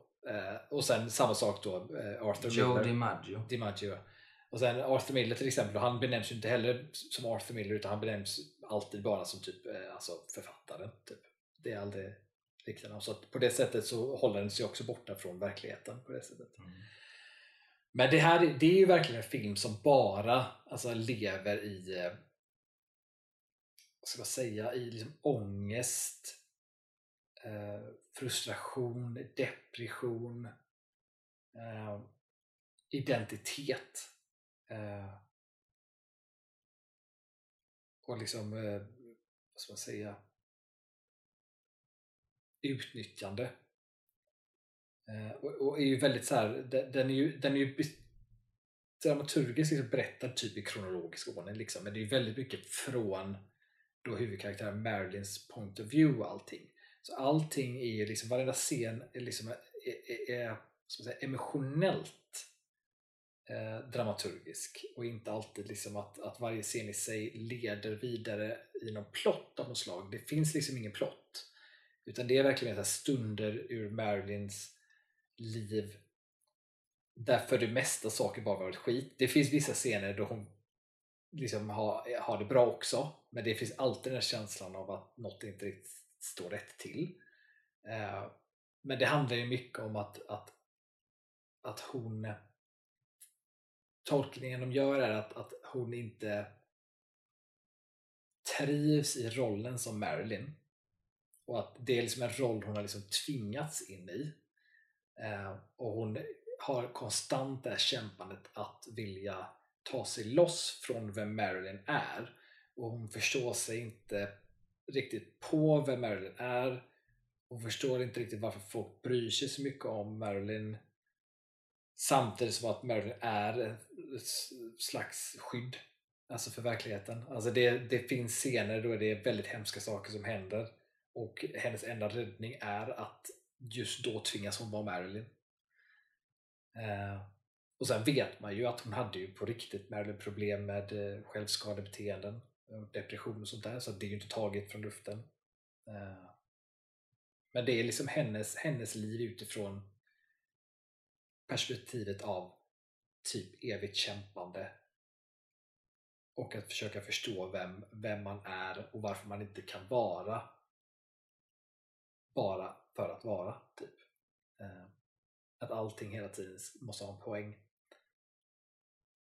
Och även mycket kopplat till de här olika aborterna hon fick göra. Vilket jag inte heller vet hur mycket de där är sanna eller inte. Alltså hur många aborter hon gjorde eller inte och hur de gjorde. Nej, det vet jag inte om man vet, men däremot så vet jag att jag pratade inte att de ändå gjort Men jag vet, i, i filmen så har de en, fall, en abort vet jag ju så här, man ser, det kommer upp som en så här tidningsartikel. Så att då tror jag nog att det händer nog i alla fall. Eh, för det, det är ju ett, helt plötsligt ett annat sätt att liksom visa det dramaturgiskt. Så den tror jag väl är sann. Men där var det också, där var det inte abort i och för sig. Där var det, eller det, alltså, det blir väl abort men det var ju typ ett missfall. Slash abort i det fallet. Eh, Men sen finns ju det samhället, man, de presenterar ju John F Kennedy då såklart också. Fast han nämns ju aldrig som John F Kennedy, han nämns ju bara som the president. Fast han spelas av en person som har spelat John F Kennedy typ fyra gånger, så där läste jag, i andra projekt. Så det är någon så här som är vanlig används typ. Men där var det också, han var ju i scenen de har så är han ju abusive mot henne och det finns ju inte några bevis för heller att han någonsin var. Det vet man ju inte heller. Liksom så. Och där har de också en, en hel sekvens av att hon blir gravid med hans barn och att eh, Secret Service-män tvingar henne till att göra. Typ. Och det finns inte heller några bevis för, det vet man inte. Nej, det är spännande. Man, det, är lite, det är därför jag har svårt med sådana här när det är för mycket man inte riktigt vet. nej. Det är därför jag tycker att det är bättre att när man gör, alltså nu är det inte här sagt att det ska vara kanske en biopic, men man får det ändå framstå så. Eh, och jag tycker det är samma sak när man tittar på Bohemian Rhapsody till exempel och sådana saker. Att Mm. det finns lite moment som jag tycker är svåra. Jag tycker nästan att det är bättre i så fall att hålla den så pass ytlig. Alltså att man tar saker som man vet. Mm. Mer än att man försöker hitta på saker emellan. Eller försöker hitta, för jag vill ju veta mer det som faktiskt har hänt och inte liksom, Ja, alltså jag håller med. hänt. Jag hade Så nog också hellre, alltså jag hade velat ha en, någon, någon sån disclaimer före filmen att det här är en tolkning i så fall. Den är alltså jag tycker den är väldigt välgjord, den är väldigt bra, alltså det är en bra film, den är bara tung som fan och inte Mm. rolig att se. Eh, däremot hon, Anna Darmas är ju svinduktig i rollen. Mm. Liksom hon är ju liksom största, alltså det, hon är ju det är 90% av filmen också. Men det är ju verkligen hon, det är ju henne man tittar på och det är henne man följer. Och hon gör ett svinbra insats, verkligen. Mm, Det är Eh. fortfarande så fascinerande. Vi pratade om innan och henne just att hon kom från så modellvärlden, pratade knappt någon engelska för bara några år Ja. sedan och sen är plötsligt så får hon massa roller och gör det svinbra. Så här Jag tycker också alltså. Jag tycker också att hon, hon gör Marilyns röst och sättet Marilyn pratar på väldigt bra. Man hör ibland att det är lite svårt för henne. Men för det mesta tycker jag hon gör det väldigt bra. Ehm, men sen finns det ju typ det, det som jag tyckte nästan var typ det värsta i filmen. ehm, som också är, är i filmen då katalysatorn till varför hon tar livet av sig. Vilket är ju, vad jag fattade som är inte heller bevisat att hon gjorde. För det, hon dog av en överdos. Mm. Sen vet man ju inte om hon gjorde det mening eller inte och jag vet inte heller hur mycket av det som då är i filmen är sant eller inte. Men i filmen så hon har hela tiden den här eviga längtan efter, sin pappa. Mm. Eh, liksom. eh, och, och det är så obehagligt tycker jag för att alla hon är med sexuellt kallar hon för daddy så jag blir så här "Ugh, och vad obehagligt det är att hon har den här kopplingen. Verkligen daddy issues. Original daddy Ja. issues. Ja. Men där är det då, hon har den här, och under, under, när hon har börjat bli känd där så börjar hon få brev eh, från eh, någon som säger att hon är hennes pappa. Men säger liksom att det är komplicerat eh, eh och jag kommer förklara allt för dig när vi ses igen. typ. Och att de här breven kommer då och då så här, i, i samband med hennes här karriär, där saker har hänt och hon har släppt filmer och sånt. Ehm, men att hon, hon liksom träffar honom aldrig utan de kommer då och då och kommer upp genom filmen. Eh, och sen då hennes, innan hon blev liksom känd, känd så, och det här är egentligen det, det här är de enda två riktiga namnen de använder. Och det är den enda relationen jag fattade som också man har rätt mycket bas och bevis bakom. Mm. Och det är Charlie Chaplin Jr och så en annan skådis Jr som jag inte vet, vem- jag kommer inte ihåg, Ed, Edward någonting, Eddie någonting. Att de två hade ju typ en, en relation med henne tillsammans, de var typ en trio Mm. eh, som hade liksom ett förhållande tillsammans. Men att det, liksom, det to- tog slut allt eftersom på olika sätt. Men så i, i slutet av filmen så eh, får hon då, eh, ringer Eddie tror jag, eh, lämnar ett meddelande eller ringer henne och pratar och säger att eh, Charlie Chaplin Jr, alltså jag tror det var så eller om det var tvärtom, eh, är död. Eh, och jag kommer inte ihåg om de säger självmord eller överdos eller vad fan de säger. Eh, och att han har lämnat någonting till henne liksom. och så hon säger hon vill inte ha det, säger hon, men han bara jo men du ska ha det. Typ så här, va? Eh, och så går det någon scen och sen så då kommer det ett eh, leverans med henne med paketet. Så öppnar hon upp paketet då och så eh, är det ett gosedjur som någon typ var speciellt för. Så där. Och så blir hon först såhär, åh, så här, wow. Så här, typ. Men så ser hon då ett brev. Handstilen påminner väldigt mycket om den här pappa-handstilen. Och så öppnar hon upp brevet. Och där är det också lite så här, för att det, det är väldigt konstigt. för det de gör visuellt där är att det är ingen text först. Men texten liksom fejdar fram. Mm. Så att jag vet inte om det är så här, jag vet inte vad man vill ha sagt för det. Om det är så här, att hon är så väck att hon inte kan läsa det, hon läser det fel eller att hon föreställer sig läsa något. Jag vet inte vad. Men då står det i alla fall uh, There was there, there was no uh, typ uh, father någonting. Och det, det, är något ord som används där som är samma ord som det här breven använder hela tiden. Och så står det så här eh, signatur då från Chaplin, eller Love och så står det från Chaplin. Men så stryks också ordet Love ut. Liksom så eh, så då, då säger ju filmen att, att den här pappan som har skickat har varit Chaplin hela tiden. Och att innan han dog så skickade han då det här till henne för att liksom berätta sanningen på något sätt. Då. Men det är ju det som är katalysatorn. När hon läser det så bryter hon ihop och så tar hon massa av de här eh, antidepressiva medel hon hade. Jättemånga. Mm. En efter en efter en. Jättejobbig scen att se på. Man ser hon tar tablett efter tablett efter tablett. Eh, och så lägger hon sig ner i sängen eh, och somnar in bredvid sin hund. Eh, och så är det liksom en scen hon ligger, jag tycker det är ganska fint, hon ligger där så blir det en över eh, eh, exposition för att, de har, att hon ligger still men så har vi också att hon reser sig upp samtidigt så att det är både och. Mm, mm, mm. Eh, så det, hon ser lite ut som spöke då liksom. Så är det det. Och sen det är sista att kameran liksom går ner och så sätts kameran i stort sett på marken på golvet där inne så ser man bara hennes fötter och så liksom tar filmen slut. Jag vet inte, den fick ju, jag har inte sett den själv, men den fick ju kritik just för att den eh, att det blev alltså hon var ju ett offer hela sitt liv på många ja. sätt. Eh, och sen så vet jag att den här filmen fick ju kritik för att den återigen sexualiserar henne ja. och gör henne på det sättet. Ja, jag vet. Jag har också läst det. Uh, jag har ju inte sett den själv så jag vet ju inte. Men samtidigt så är det ju, jag tänker att det är lite svårt att komma undan att man, alltså sexualisera kanske man inte behöver göra men det är nog svårt att undvika det om man vill om man vill berätta om henne för det var ju ändå, hon var ju typ den första stora så här, sexikonen eh, filmstjärnan och hade ju alla de här olika relationerna så jag tänker att det är så svårt att är det så att i filmen känns det bara kort, så känns det som att det är onödigt mycket sånt i filmen eller känns det som att det, mm, det ska, måste vara med liksom, i filmen? Alltså jag, jag, jag, kan, alltså jag kan förstå kritiken. Däremot tycker jag att om man, har man den kritiken så tror inte jag att man riktigt har sett vad poängen var. Faktiskt.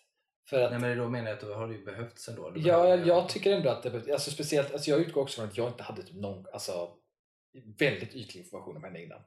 Mm. Eh, och, och, för att jag ska på något sätt leva mig in, även om allt är en tolkning, då, man vet inte om det är sant eller inte, men alltså om jag bara tittar på det som en berättelse och vad regissören vill ha sagt med hur man ska förstå sig på hur hon har mått och omständigheterna den här karaktären var i, oavsett om det är Marilyn eller inte. Så det som är med tycka fyller en funktion.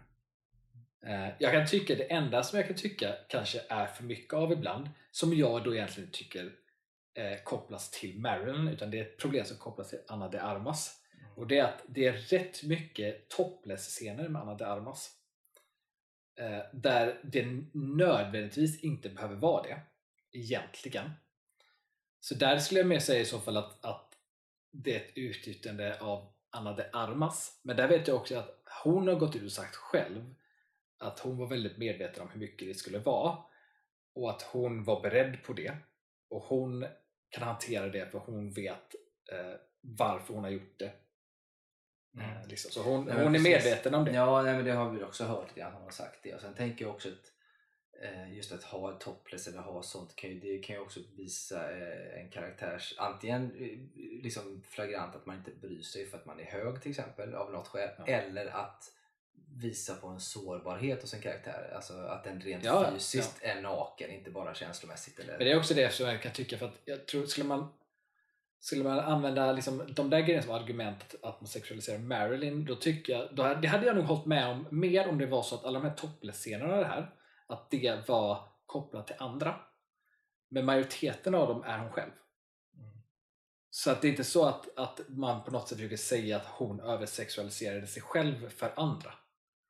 Marilyn. Alltså det inte, det, jag tycker inte filmen gör det statementet alls. Nej, okej. Mm. Däremot kan jag ju tycka att alltså bara av att man i allmänhet gör en film om Marilyn överhuvudtaget kanske man ska se över om man faktiskt ska göra. Alltså om, man, alltså om, om, om hon ens mode alltså ett, fragment av hur man mår och ser den här karaktären på filmen. Om den riktiga Marilyn var med om bara en liten del av det och mådde så, så, så dåligt på, på lite av det så vet inte jag ens om man ska ens göra någonting som, som andra människor kan få en profit på Nej. och Nej. använda sig av henne. Och det har väl också varit en del av den kritiken också, då, att det är så. Och jag, det kan man väl förstå. Då. Men eh, vi får nästan, du får nästan ta och betygsätta tänker jag. Åh fan, den här är svår att betygsätta. Som film är den ju väldigt bra. Men den är jobbig som fan. Ja, då får det vara Eh. hantverket kontra känslan då. Ja. Jag får väl låta dem slå ut varandra lite grann och så vi får den en sexa. Jag tänkte att du skulle landa där någonstans, för väl, så som det låter så är det väl ungefär där jag kanske också hade landat då. I sånt. Men det här är en sån film som jag känner att jag inte... För att alltså, jag har hört innan att den ska vara, vara sådär jobbig, så jag, det ska mycket till för att jag ska palla se den. Nej, jag, vill ju aldrig, jag kommer inte aldrig se om den. Eh, tänker jag. Nej, den blir nog... Den känns svår. Vi får se någon gång kanske om man är på det, men tveksamt. Så är det.